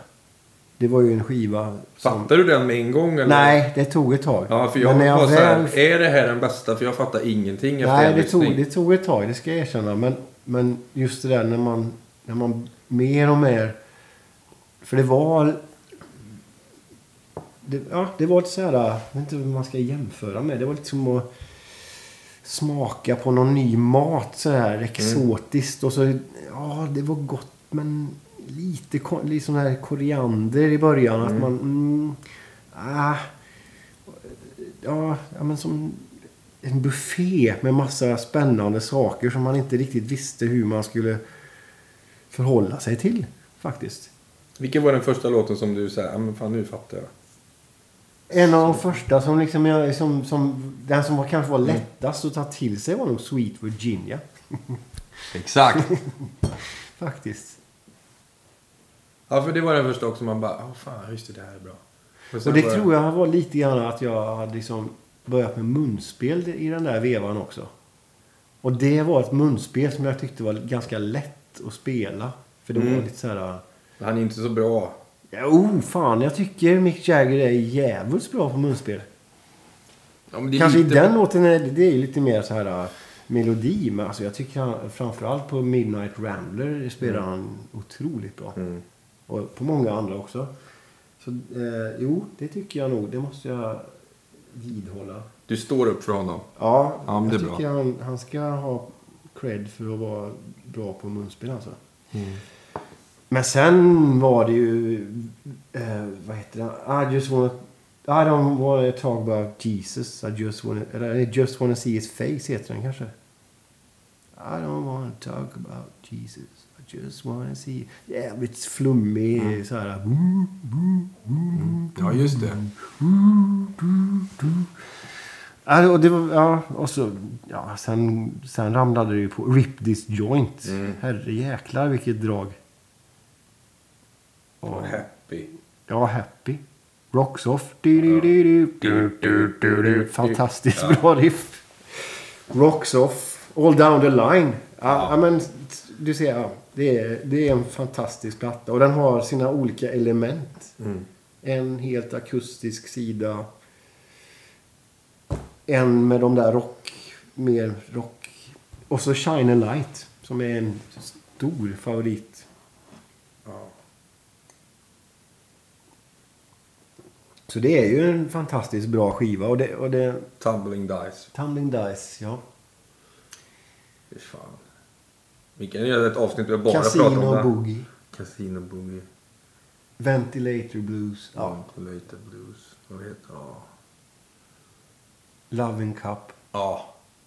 Det är nog min favorit. Sen är det ju otroligt spännande att de, om det nu var så. Alltså jag köpte ju såklart deluxe-versionen som kom för några år sedan. Ja, den är fem, sex nya låtar. Ja, och den Pass the Wines, Sofia Loren inom parentes, är ju en fantastisk jävla låt. Som jag undrar om det verkligen är så att de hade och inte tog med. Eller om det är att den har... Jag vet inte. Det står väl i, texten där att, han, att det var just att han hade, han hade ingen text. Men att en sån groovy låt har legat bortglömd i så fall då, så länge. Det är ett mysterium. För den tycker jag är helt briljant låt.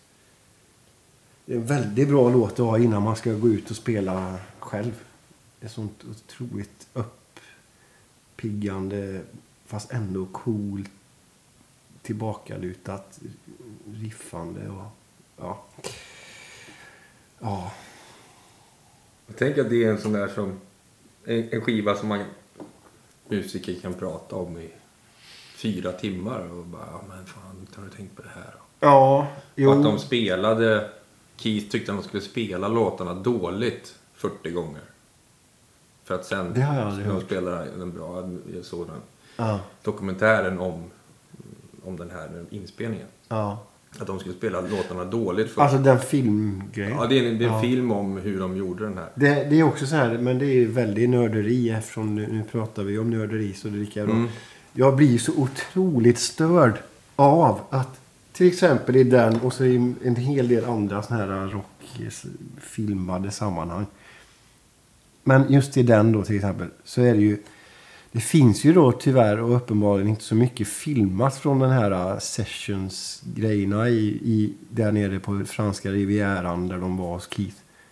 Men de här, uh, så det, det är ju så här sekvenser i den här dokumentären som är fake liksom.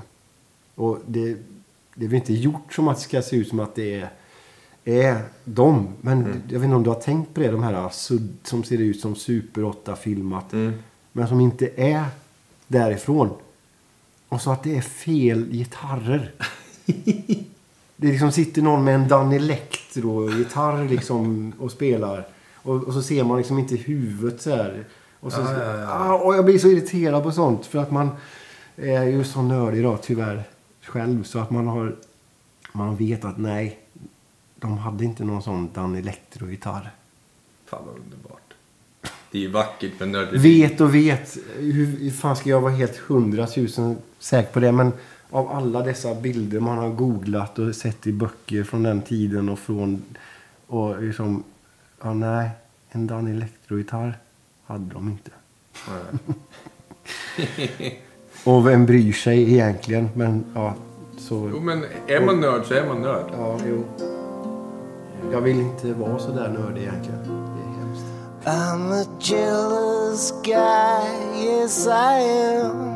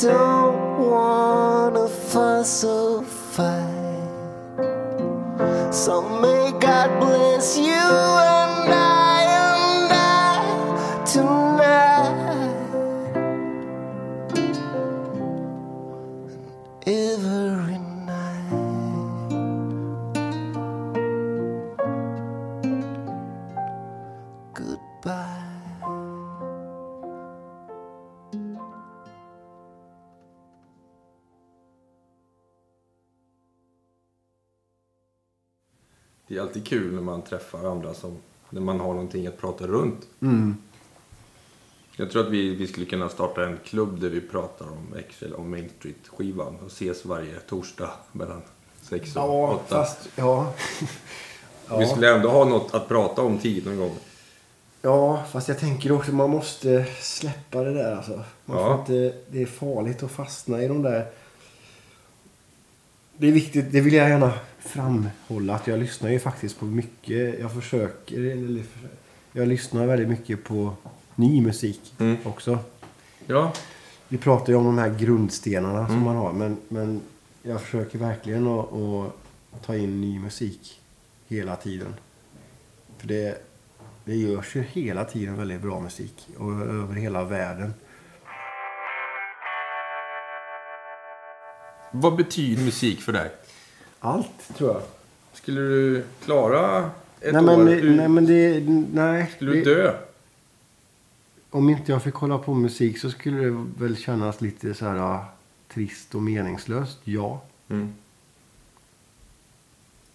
Det har varit liksom med mig från början. På något sätt känns det som. Och Sen vet jag inte. Jag kan ju, jag kan ju, jag kan ju tycka att jag, att jag har haft eh, eh, chanser som jag inte riktigt har tagit vara på. Samtidigt som jag då är privilegierad och har fått ha musiken som min huvudsyssla i så pass länge hittills då. Även om det var som sagt nära förra året att jag var tvungen att sälja ett av mina viktigaste verktyg. Men, men det gick i sista sekunden bra igen. Det har ju, och är ju säkert framför mig också. Det kommer vara stunder när man inte har så mycket jobb. Och, det, och det, liksom, man måste hålla sig... Man måste, men det är det som jag, jag känner nu kanske att jag... Jag spelar ju mycket mer gitarr nu för tiden och, och det, det, det känns mer kul. Och jag har... Jag har inte som... Jag, jag, jag, kan, jag kan tycka när jag ser tillbaka på att jag, jag kunde ha egentligen ha spelat mycket, övat mycket mer. Ja. Blivit mycket, blivit en mycket bättre gitarrist eller sångare eller musiker eller, överhuvudtaget. Men eh, Fast är det det som är grejen då? nej, det, nej, det vet jag inte. Det, någon... Du har ju ändå spelat med, du spelar med Håkan Hellström som är Sveriges största artist. Ja, Det är inte så många som gör det. nej. Du har spelat med Soundtrack of Our Lives, The Hellacopters. Du har varit sångare i Nationalteatern. Ja, Hur hamnade du som sångare där? Det måste ju varit... Det var för att... ehm, ja, det var ju när jag hade, jag hade flyttat. Jag, hade jag i och för sig bott i Göteborg ett tag. Men jag lärde ju känna Nicke Ström. Som då är basisten i Nationalteatern. Redan innan jag... Eller jag kände det gjorde jag inte. Men vi hade liksom... Eh, våra vägar hade mötts. Eh, för Nicke är ju en nyfiken, Nicke nyfiken. Han, han, han, han är ju en sån som går och kollar på band och, och följer med. Så han hade ju koll på mig, tror jag, innan. Sen, sen innan jag flyttade till Göteborg, så att säga. Och så spelade vi väl inte vi ihop som... Vi, jo, vi, det var någon sån här... Äh, Bengans 25-årsjubileumgrej som Nicke tror jag höll i. Och då Då var jag med och, och faktiskt Jalle Lorentzon från Wilmer X. Och Nisse också tror jag. Det var, och Totta var med och Plura och alla de där gamla goa gubbarna. Mm. Eh, nej men så var, hur det blev med Nationalteatern, det var väl då att de, skulle, de hade bestämt sig för att göra en sommarturné. 2004 och så kunde inte Pale då som sjöng. Totta hade ju hoppat av sedan länge tillbaks. Eh, så Pale som var med i, i teatern och som sjung, han, det är han som sjunger eh, ja, Jack the Ripper och tror jag. Nu är jag, jag är faktiskt osäker. Jag ska inte säga. Bengentlar tror jag det är han som sjunger originalet på i alla fall. Eh, han kunde inte vara med där på den där sommarturnén och då frågade de om jag ha- hade lust att vara vikarie för honom. Och jag hade inte något så här jättenära förhållande till Nationalteatern egentligen. Jag hade inte lyssnat så mycket på dem. Um. Men, eh, jag, men därför så tyckte jag det var... Alltså jag, jag hade, man hade- hade ju alltid hört det på fester och sånt där. Det var alltid folk som spelade från att man var ung och så här. Så man hade hört det alltid. Så det var, fanns ju någonstans. Men jag hade liksom ingen, jag, jag, hade, jag kommer ihåg att jag var och kollade på det på, på Dalarock. Som var i Hedemora på 90-talet. En festival där. Det var innan Peace and Love. Då spelade i alla fall Nationalteatern och jag gick och satte mig i gräset och lyssnade lite på det. Jag tyckte det kändes ganska trött och mossigt om jag ska vara ärlig. Men det var ju då, vad blir det, 14 år innan. Så egentligen tänkte jag väl shit. Det kanske är jävligt mycket mossigare nu. Eh, Men jag måste ge det en chans. Men då visste ju inte jag att de hade fått med Håkan Svensson på gitarr. Nu ska jag inte lägga skulden på Bengan Blomgren som är en fantastisk gitarrist. Eh, Att det, att det hade något med saken att göra. Men han hade ju också hoppat av. Men Håkan Svensson i alla fall var gitarrist och... ehm, sen vet jag inte... För jag fick ju höra det från andra och även... Det, det blev en... Jag bidrog väl med någon energi tror jag. Mm. Så, så... Som jag fattade på Ulf. Som är ganska kräsen och hård i sina omdömen. Så, så blev det kul igen att spela med Nationalteatern. Och så blev jag kvar. Mm. Och sen spelade vi ju... Av en händelse så satt jag och gick igenom gamla mappar i datorn. Och så kom det upp en från 2007 eller någonting. Jag vet inte. Jag tror vi gjorde... Jag räknade till att vi hade ja, gjorde 50 gig eller någonting. På ett år. Det är ganska mycket. Ja, det är ett i veckan i snitt.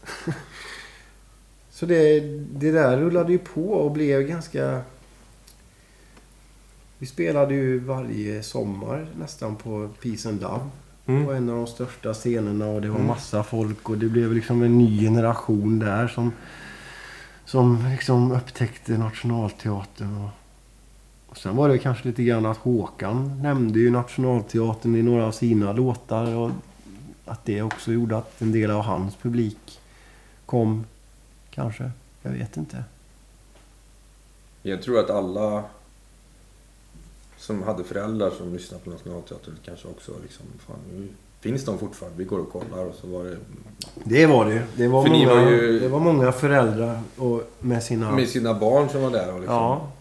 Föräldrarna stod alltid längst bak och höll för öronen. Tyckte att det hade blivit för högt. Men... Eh, Jag såg er vid något tillfälle då när vi spelade på samma festival. Jag tyckte det var jätte, jättebra. Och kom ihåg att de som jag spelade med tyckte också att fan vad gött att de har tagit med lite yngre pojkar i bandet. Så det svänger lite.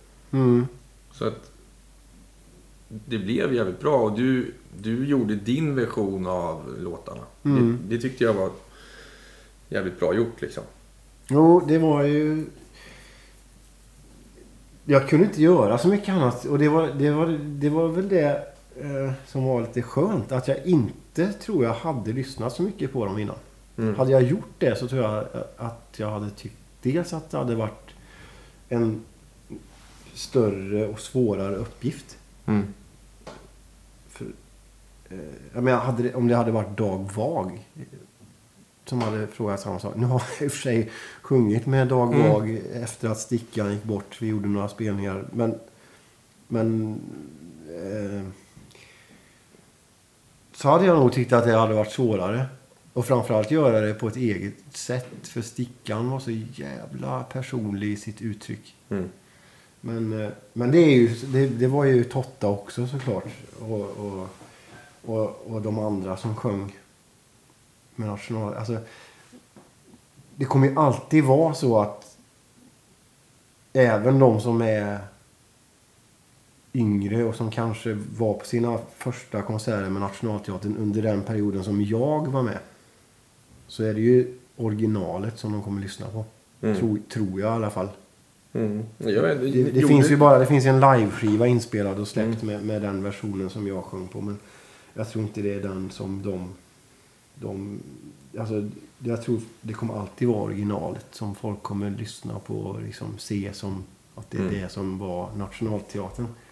Men det är ändå Men- låtarna, för alla kunde ju sjunga med i de här låtarna. Ja.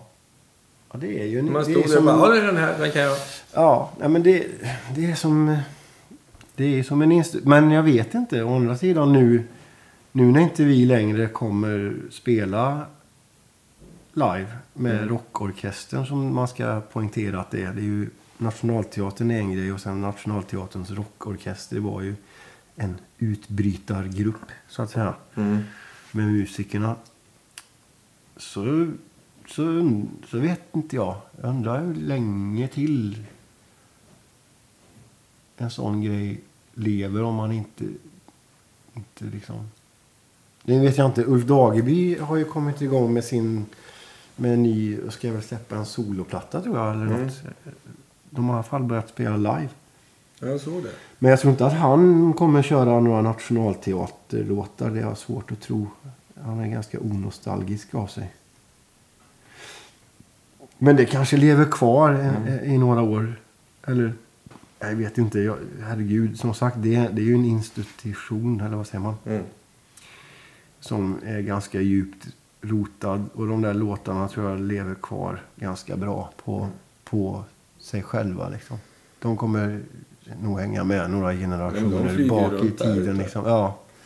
Så det, det är nog ingen risk att det dör ut än på ett tag. Men det är ändå en ganska härlig grej att ha gjort kan jag tänka mig.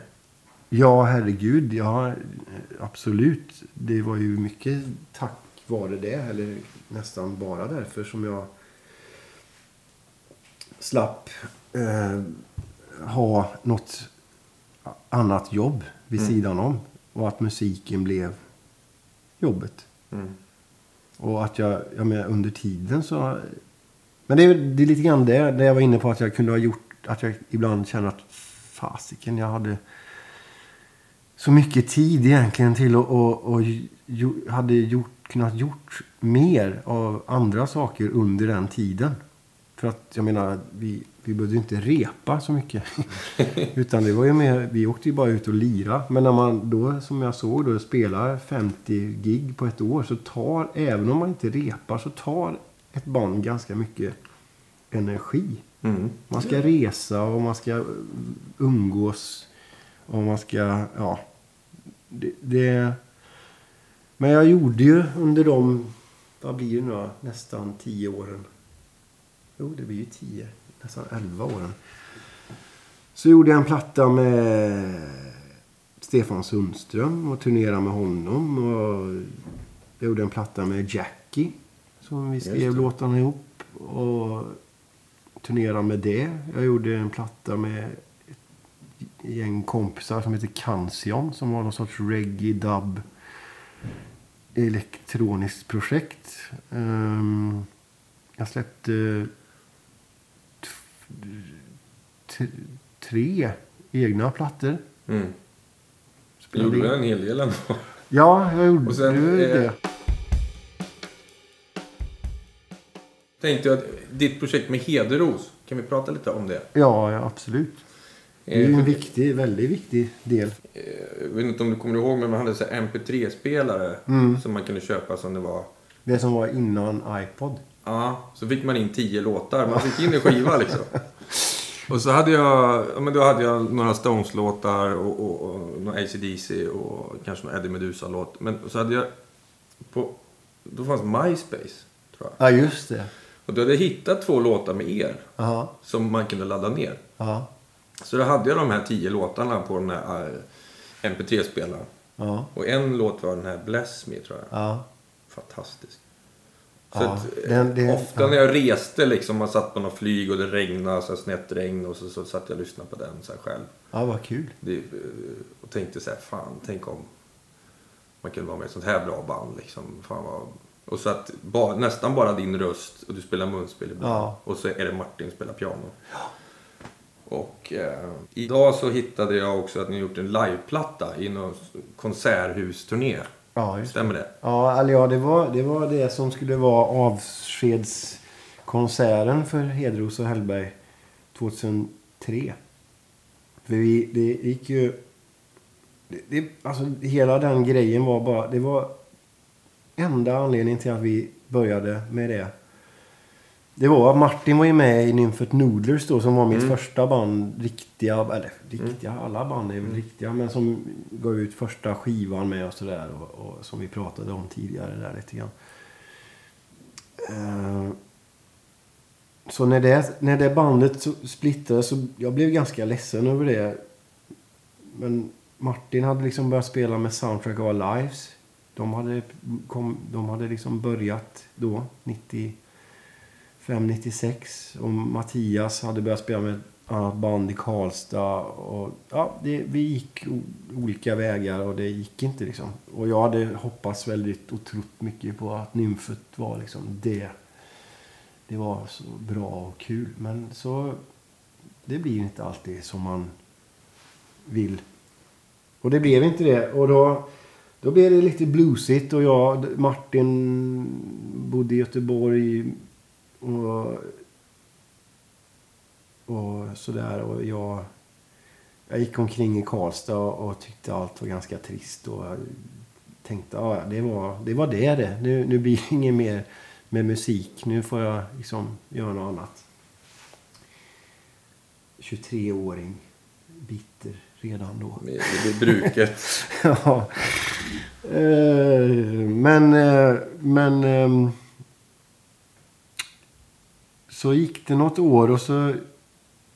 Vi var ju väldigt mycket i Göteborg. Eh, för vi spelade ju in Nymfet-grejerna där med Ebbot som producent. Och, och det var ju så han upptäckte Martin och tog med honom i soundtrack och alltihopa.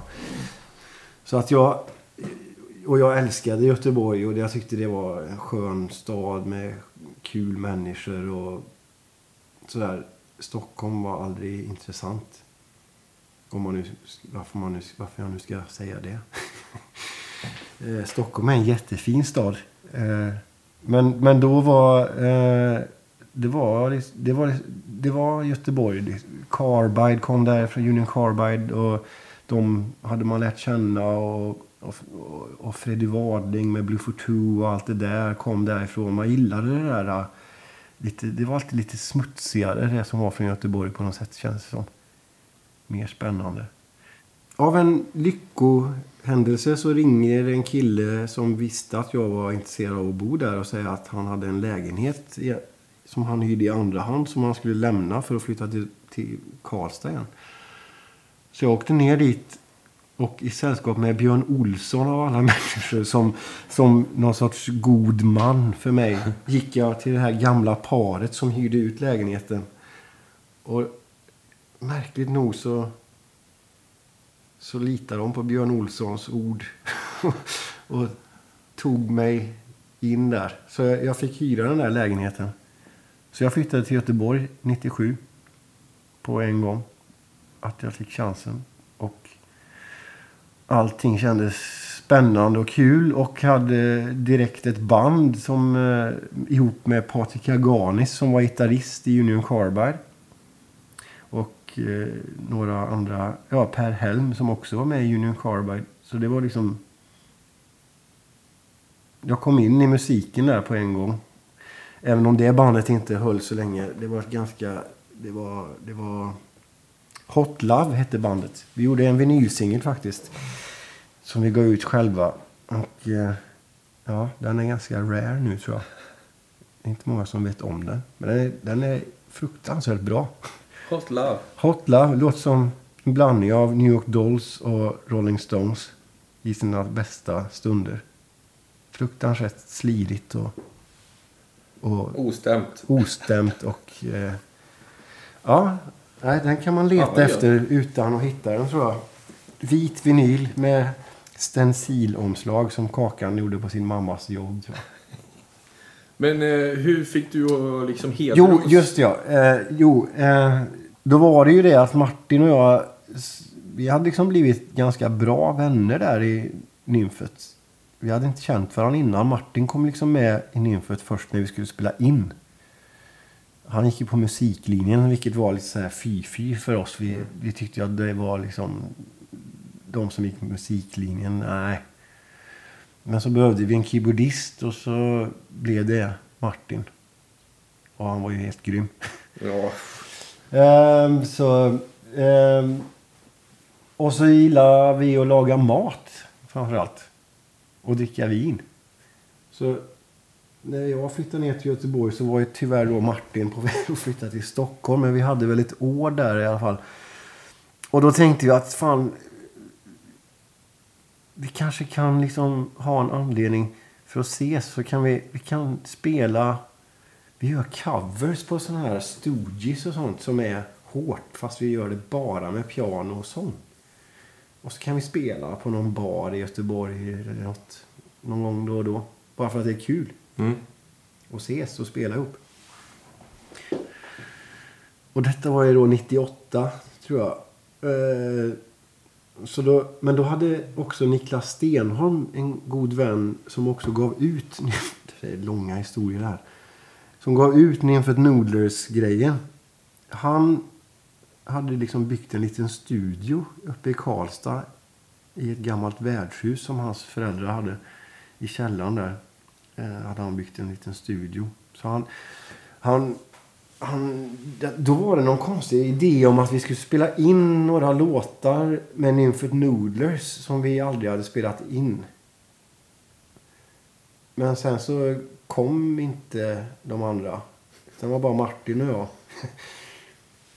Så att vi, vi sa ja, men vi kan spela in kan spela in de här uh, coverlåtarna som vi har gjort. Bara.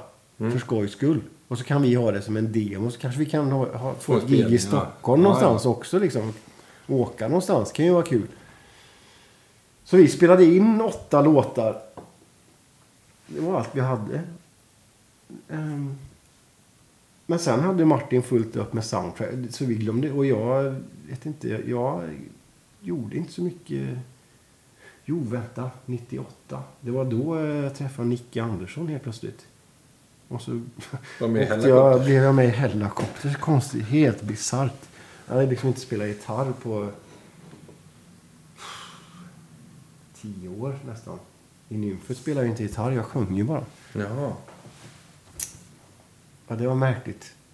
Spelar du Honky Tonk eh, för honom och bara jag, jag kan det här, det är inga problem. Nej, jag vet inte. Ja, Nicke var i Göteborg ihop med Bobba och skulle testa någon gitarrist i Göteborg. Och, jag, och så kom de in på den krogen som jag jobbade på efteråt. Och så blev Nicke kvar. Och så hängde Nicke med hem till mig på efterfest. Fast det var bara vi två. och vi hade aldrig träffats förut, vad jag minns. Och så slutade det med att vi satt där och kollade på någon av de här skrynkliga VHS-kassetterna med Stooges och MC5. och så frågade han om jag inte kunde spela gitarr. Och så, jo då, så jag, det kan jag ju. Jag har ju spelat gitarr. Och så åkte jag... Alltså bestämde vi bara att jag skulle till att börja med åka med och spela munspel. Fan, nu, nu tappade... Nu gick vi in i en annan historia här. Ja, men kör, kör på så Ja. går vi tillbaka sen. Ja. Eh, om jag kunde... Ja, jo. att jag kunde komma med dem där på sommaren. Och spela munspel Och spela i lite munspel i Hellacopters och bara, ja, bara få hänga och se om man hade kul ihop mest. För det, då hade ju eh, dräggen, Dregen hade hoppat av och så var det mm, Chuck Pounder som var gitarrist. Under en period där. Och så... Ja, vi spelade. Jag spelade lite gitarr där nere. Eller där nere. I Stockholm. Mm. I replokalen med dem så här. Och jag vet inte. Jag, jag, var ju inte, jag var ju ganska rostig. Jag vet inte. Men, ja. Det slutade ju till syvende och sist med att jag... Nicke ringde och frågade om jag kunde åka med dem till USA och göra deras första USA-turné. Samma år. I december. Så det var, det var bara... Jag, jag, han bara... Han frågade om jag kunde det och jag, ja, alltså, jag, jag tänkte, här kan jag, jag måste ju säga ja. Även om jag var inte alls speciellt säker på att jag skulle kunna hinna lära mig det. Liksom, alla låtar och, Ja. och bli liksom bra, tillräckligt bra på gitarr igen och sådär. Men jag tänkte, jag har ingenting att förlora. Jag måste, Mm. jag måste ju göra det här. Och få åka och turnera i USA, det var ju liksom, det hade man ju drömt om hela sitt liv. Så Mm. det var, och det var ju liksom, det var Detroit och det var San Francisco, det var New York. Ja men det var alla. Det var... Det var, jag tror, jag kommer inte ihåg nu om det var, om det var 19 gig på 20 dagar eller om det var 20 gig på 21 dagar. Det var något sånt här sjukt. Från liksom... Jag tror vi började i Philadelphia och sen upp genom New York och sen upp. Vi var i Kanada, i Toronto, Montreal, Vancouver och sen slutade i LA då. Så det var, det var en resa. Jävlar. Men Hela- sen kom Strängen med, för han, han har ju varit med i det här programmet. Ja, Och han, han hade sagt till Nicke att jag är mycket bättre än vad, än vad den här Hellberg är, så ta mig. Jo, men det är ju sant. Det var han ju. Ja, vi, vi var ju alltså, jag minns ju väldigt tydligt att vi var och tog en öl några dagar då när jag var i Stockholm för att repa med Hellacopters innan vi skulle åka till USA. Så var vi och tog någon öl efter något rep på Salt, tror jag det hette, som Strängen jobbade på då. Ja, just det. Och då, då var det någon polare till dem som var med då och som till och med sa när jag satt där, det var lite bisarrt. Eh, och sa, sa till Nicke att liksom, fan, strängen där, fan, det är han ni ska ha, han är den bästa. Och så satt jag precis liksom bredvid där och skulle precis åka på turnén. Det var jättemärkligt. Eh, Men det var ju helt sant. Herregud, strängen är ju, var ju, är ju och var ju rätt person på rätt plats. Jag var ju inte det. Kan jag väldigt ödmjukt och ärligt säga. Jag är väldigt glad att jag fick åka med, men Men kändes det inte lite tråkigt då när du ändå hade varit med på Jo, jag blev helt knäckt. Jag Ja. blev helt knäckt. För jag hade, jag hade ju, när vi kom hem och sen så var det inte så lång tid till att vi, det var en ny turné och då var det sydstaterna. Och dit vill man ju åka. Ja, det vill man ju. Så jag hade fått turnéplanen och alltihopa. Och så blev det lite konstigt. Eh, Men jag fick i alla fall ett telefonsamtal om att jag skulle inte med på den. Och då blev jag jätteledsen. Men Det är klart det tog ett tag såklart. Men eh, jag, jag förstod det väldigt tydligt sen. Jag var och kollade på, på, på dem i Göteborg sen det året. På hösten var det väl tror jag. Med strängen. Och morsade på, på, på alla där efteråt. Det var ju första gången jag såg, vi sågs. Och det, jag menar, det, det var ju tydligt, väldigt tydligt att strängen passade in väldigt mycket bättre där än vad jag gjorde. Jag var inte, jag var ju, jag är fortfarande inte liksom så tekniskt bra eller liksom en gitarrist på det sättet. Strängen är ju en gitarrist-gitarrist. Om Ja. man ska, kan uttrycka sig på det Ja. sättet. Men ni, ni spelar ändå i, i Stefans band båda två sen. Ja, det gjorde vi. Sundströms band. Konstigt nog. Eller konstigt nog. Ja, men, alltså grejen Strängen och jag, det, vi, vi, eh, vi blev jättebra vänner. Alltså från, från det att han... För jag träffade ju dem sen då genom åren. När de, och så var jag väl, jag var med och sjöng. Några gånger med, med, med Hellacopters när de var i Göteborg. MC5-låt och någon Stooges-låt här och där. Så vi träffades ju och, och, och sådär. Så att Strängen och jag blev ganska bra vänner där. Och sen så minns jag inte hur det kom sig att vi... Att vi... Att vi blev det bandet med... så- Jag undrar om, om det var Strängen som satte ihop det bandet det om var Hederos Eller om det var Martin som satte ihop bandet. Det var någon Ja. av de två tror jag som satte ihop det bandet till Hjärtats melodi heter Mm. väl den plattan där vi gjorde. Som är, jag är jättestolt över att få vara med Det är på en den. Det är en jävligt skiva. bra platta. Och, och Anders Burman, den legendariske producent, fick man äran att jobba med. Som gjorde liksom Cornelis och Mm. Pugg och Och Lindfors. Och, ja. Herregud. Det var ju... Ja, men det, det är jag väldigt glad och stolt över att vara med på den plattan. Den blev väldigt fin. Mm. Men jag, jag tänkte vi skulle avsluta storyn med Hederos Ja, det var där vi började. Och jo, vad som hände då, då det var att eh, 99 så, så ringde Niklas Stenholm där ifrån Karlstad och sa Hörni ni, jag, de här eh, inspelningarna ni gjorde här, du och Martin. Eh, jag har suttit och liksom bara, det är inte så mycket att skruva på, men jag har liksom suttit och, med dem och lyssnat. Och det är jävligt bra alltså. Tänkte jag skulle kanske ge ut det. Är det okej okay, det?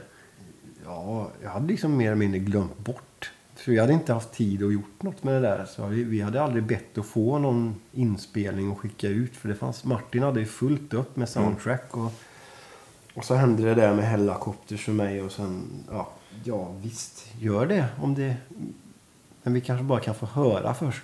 liksom. Så han skickade någon kassett eller vad man hade på den tiden.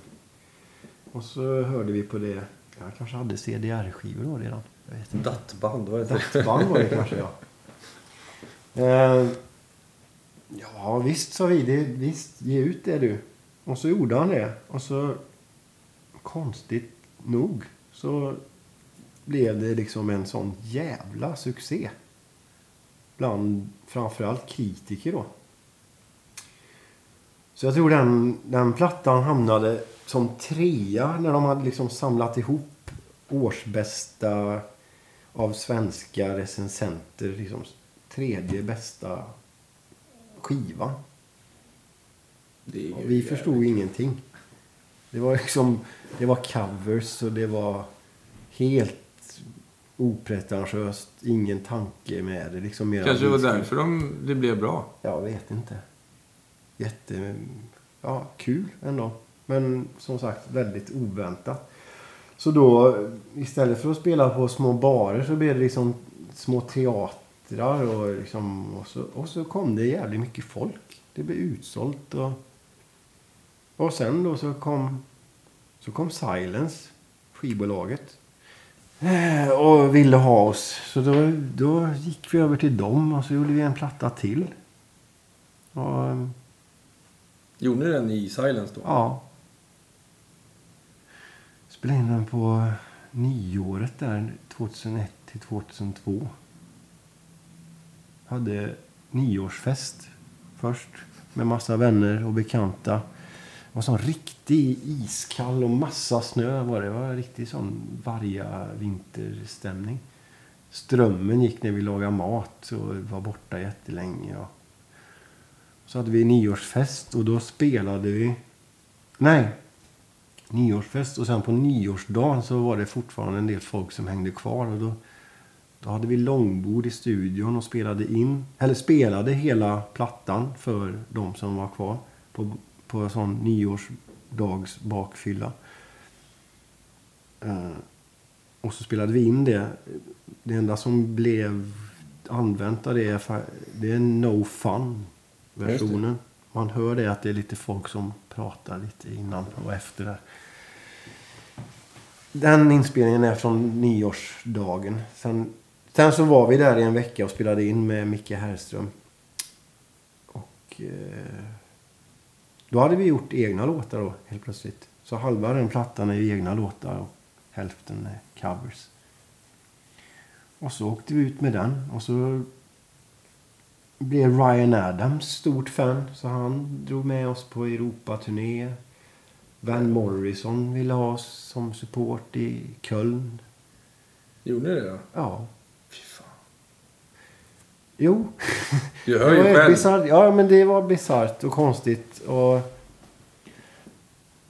Men sen så blev det så mycket så att efter vi hade gjort den första Ryan Adam- Adams-turnén så skulle han göra en ganska lång turné sen Mm. i Europa. En och en halv månad eller något. Och ville att vi skulle vara med på den. Men då, då skulle Soundtrack ha turné... Eller de skulle ha tre spelningar under den perioden. Och då var det liksom att, nej, om man inte gör alla gig, då får en annan support act det jobbet. Och då... Och du kunde inte fixa en stand-in för Martin där? Nej, jag hade det faktiskt på först premiären i Amsterdam på den första Ryan Adams så hade jag stand-in för Martin och det blev alltså all eh, respekt för, för det var Björn Yttling faktiskt. All respekt för Björn men, men, men det blev alltså Hedros och Hellberg utan Hedros det blir inte det. Det blir som Hansson och Karlsson utan... Ja. Ja. Ja, nej. Det, och, och det var inte aktuellt, kände jag, att ta in någon annan. Utan det, då blev det istället att jag sa... För jag menar... Jag visste ju det, att Soundtrack skulle gå före allt. För de var, det var ju liksom Martins jobb och hans stora grej. Mm. Och sen, ja, för mig var det så oväntat att Hedros och Hellberg skulle ta av så som det gjorde. Men jag kände bara att nej, vi får, vi får lägga ner det så inte det finns. Så inte, som inte får såna här förfrågningar och att jag sitter och blir bitter och sur på min bästa vän. Liksom. Ja. Det är bättre att vi inte finns. Så att Kunde du inte sminkat upp någon som kunde spela piano och som... det finns ingen som kan spela piano som sa Martin. Så det går inte. För då, då, då var det jag skulle komma fram till då. Att då bestämde vi bara vi, vi gör en avskedsturné då. Och så gjorde vi Stockholm, Malmö, Oslo och Göteborg. Och den sista spelningen var på Konserthuset i Göteborg 2013. Och den spelades in och så gav vi ut den. Nu då, eller ja, nu. Nu är det väl tre år sedan eller något tror jag. För man eh, ju när jag spelar klart, det är ju många som klappar händerna. Och Det var väldigt- helt utsålt. Vi, Alltså, vi skulle så här- egentligen spela på Draken. Men det sålde ut så fort så att de fick flytta det till Konserthuset. Och så sålde det slut. Så det var helt makalös kväll. Vi spelade Mm. två och en halv timme tror jag. Allt är inte med på skivan. Mm. Och den enda gästen vi hade var Freddy Wadling. Som tyvärr är borta nu. Men han var med också. Sjöng tre låtar. Så det var en fantastisk kväll. Jag förstår det. Eh, Men- och en fin avslutning på det. Men sen har vi ju börjat igen. Nu finns vi i allra högsta grad igen faktiskt. Eller i kan- allra högsta grad ska jag inte säga. Martin och nu är till och med jag busy. För du är ute och spelar med Håkan, eller hur? Ja, jag spelar med Håkan. Hellström. Håkan Hellström. Och så jobbar jag som sagt med en del artister i Norge som jag har halkat in i. Just det, Jan-Ove från... eh, Jan-Ove från Kaisers Orchestra. Som, Kaisers Orchestra är ju eh, Jävligt coolt band. Ja, det var det. Och, men som tyvärr mycket med norska band så får de inte ens en chans att liksom komma in i Sverige. Fast Jag det är tvärtom. Ja, jo. De är väl ett av de få banden som har... Och nu, ja, Kvelertak är ju norskt. Och, och, alltså, men också den här black met- metal-grejs. Den scenen, där, de banden. Men sen i mer sån rock och popgenren så är det inte så många norska artister som får chansen att komma in i Sverige. Det känns lite så här... Madrugada, var de här eller? Var Ja, fast de sjunger på engelska vet du. Ja. Det gör ju i och för sig många norska artister. Men, men de som sjunger på norska verkar ha väldigt svårt. Samtidigt som svensk, de som sjunger på svenska, svenska artister har inte alls lika svårt att få en chans i Norge. Men ett tag kanske det var några som... Att, nej, jag vet inte, jag vill inte ens tänka varför. Men eh, det är synd att, att det verkar vara så väldigt så här... ah, tufft för norska artister att- att komma in i Sverige. Och så är det Håkan. Imorgon ska ni spela in Skavlan. Ja, Det låter som att du har mycket att göra. Vad, vad har du framför dig som du skulle vilja göra? Har du några... Ska du göra någon ny skiva med dig själv eller Eh, ja. Hedros? ja. Det som hände med Hedros och mig nu så är det ju att vi spelade tre gig i sommar. Och då helt plötsligt så skrev vi vår första nya låt på 15 år. Och den blev med svensk text, märkligt nog. För jag har aldrig, jag tror aldrig jag har gjort färdigt en text på svenska faktiskt. Men det blev det nu. Och det var jävligt kul.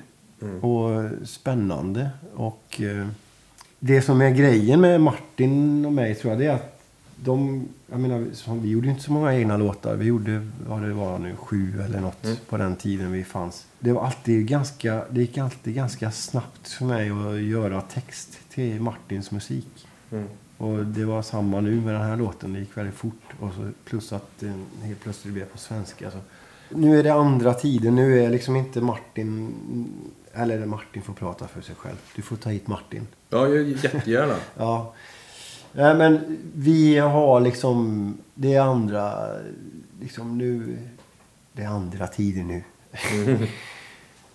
Nej, men så nu känns det som att nu har vi liksom lättare för kanske att planera för att kunna göra något ihop igen. Så vi, planen är att vi ska försöka göra, få tid under nästa år och spela in åtminstone en EP. Och Ja. Målet är att göra det på svenska. Men jag ska inte säga att det är något som är, eh, är viktigt att det måste vara det. Men om det funkar så eh, hade det varit skitkul.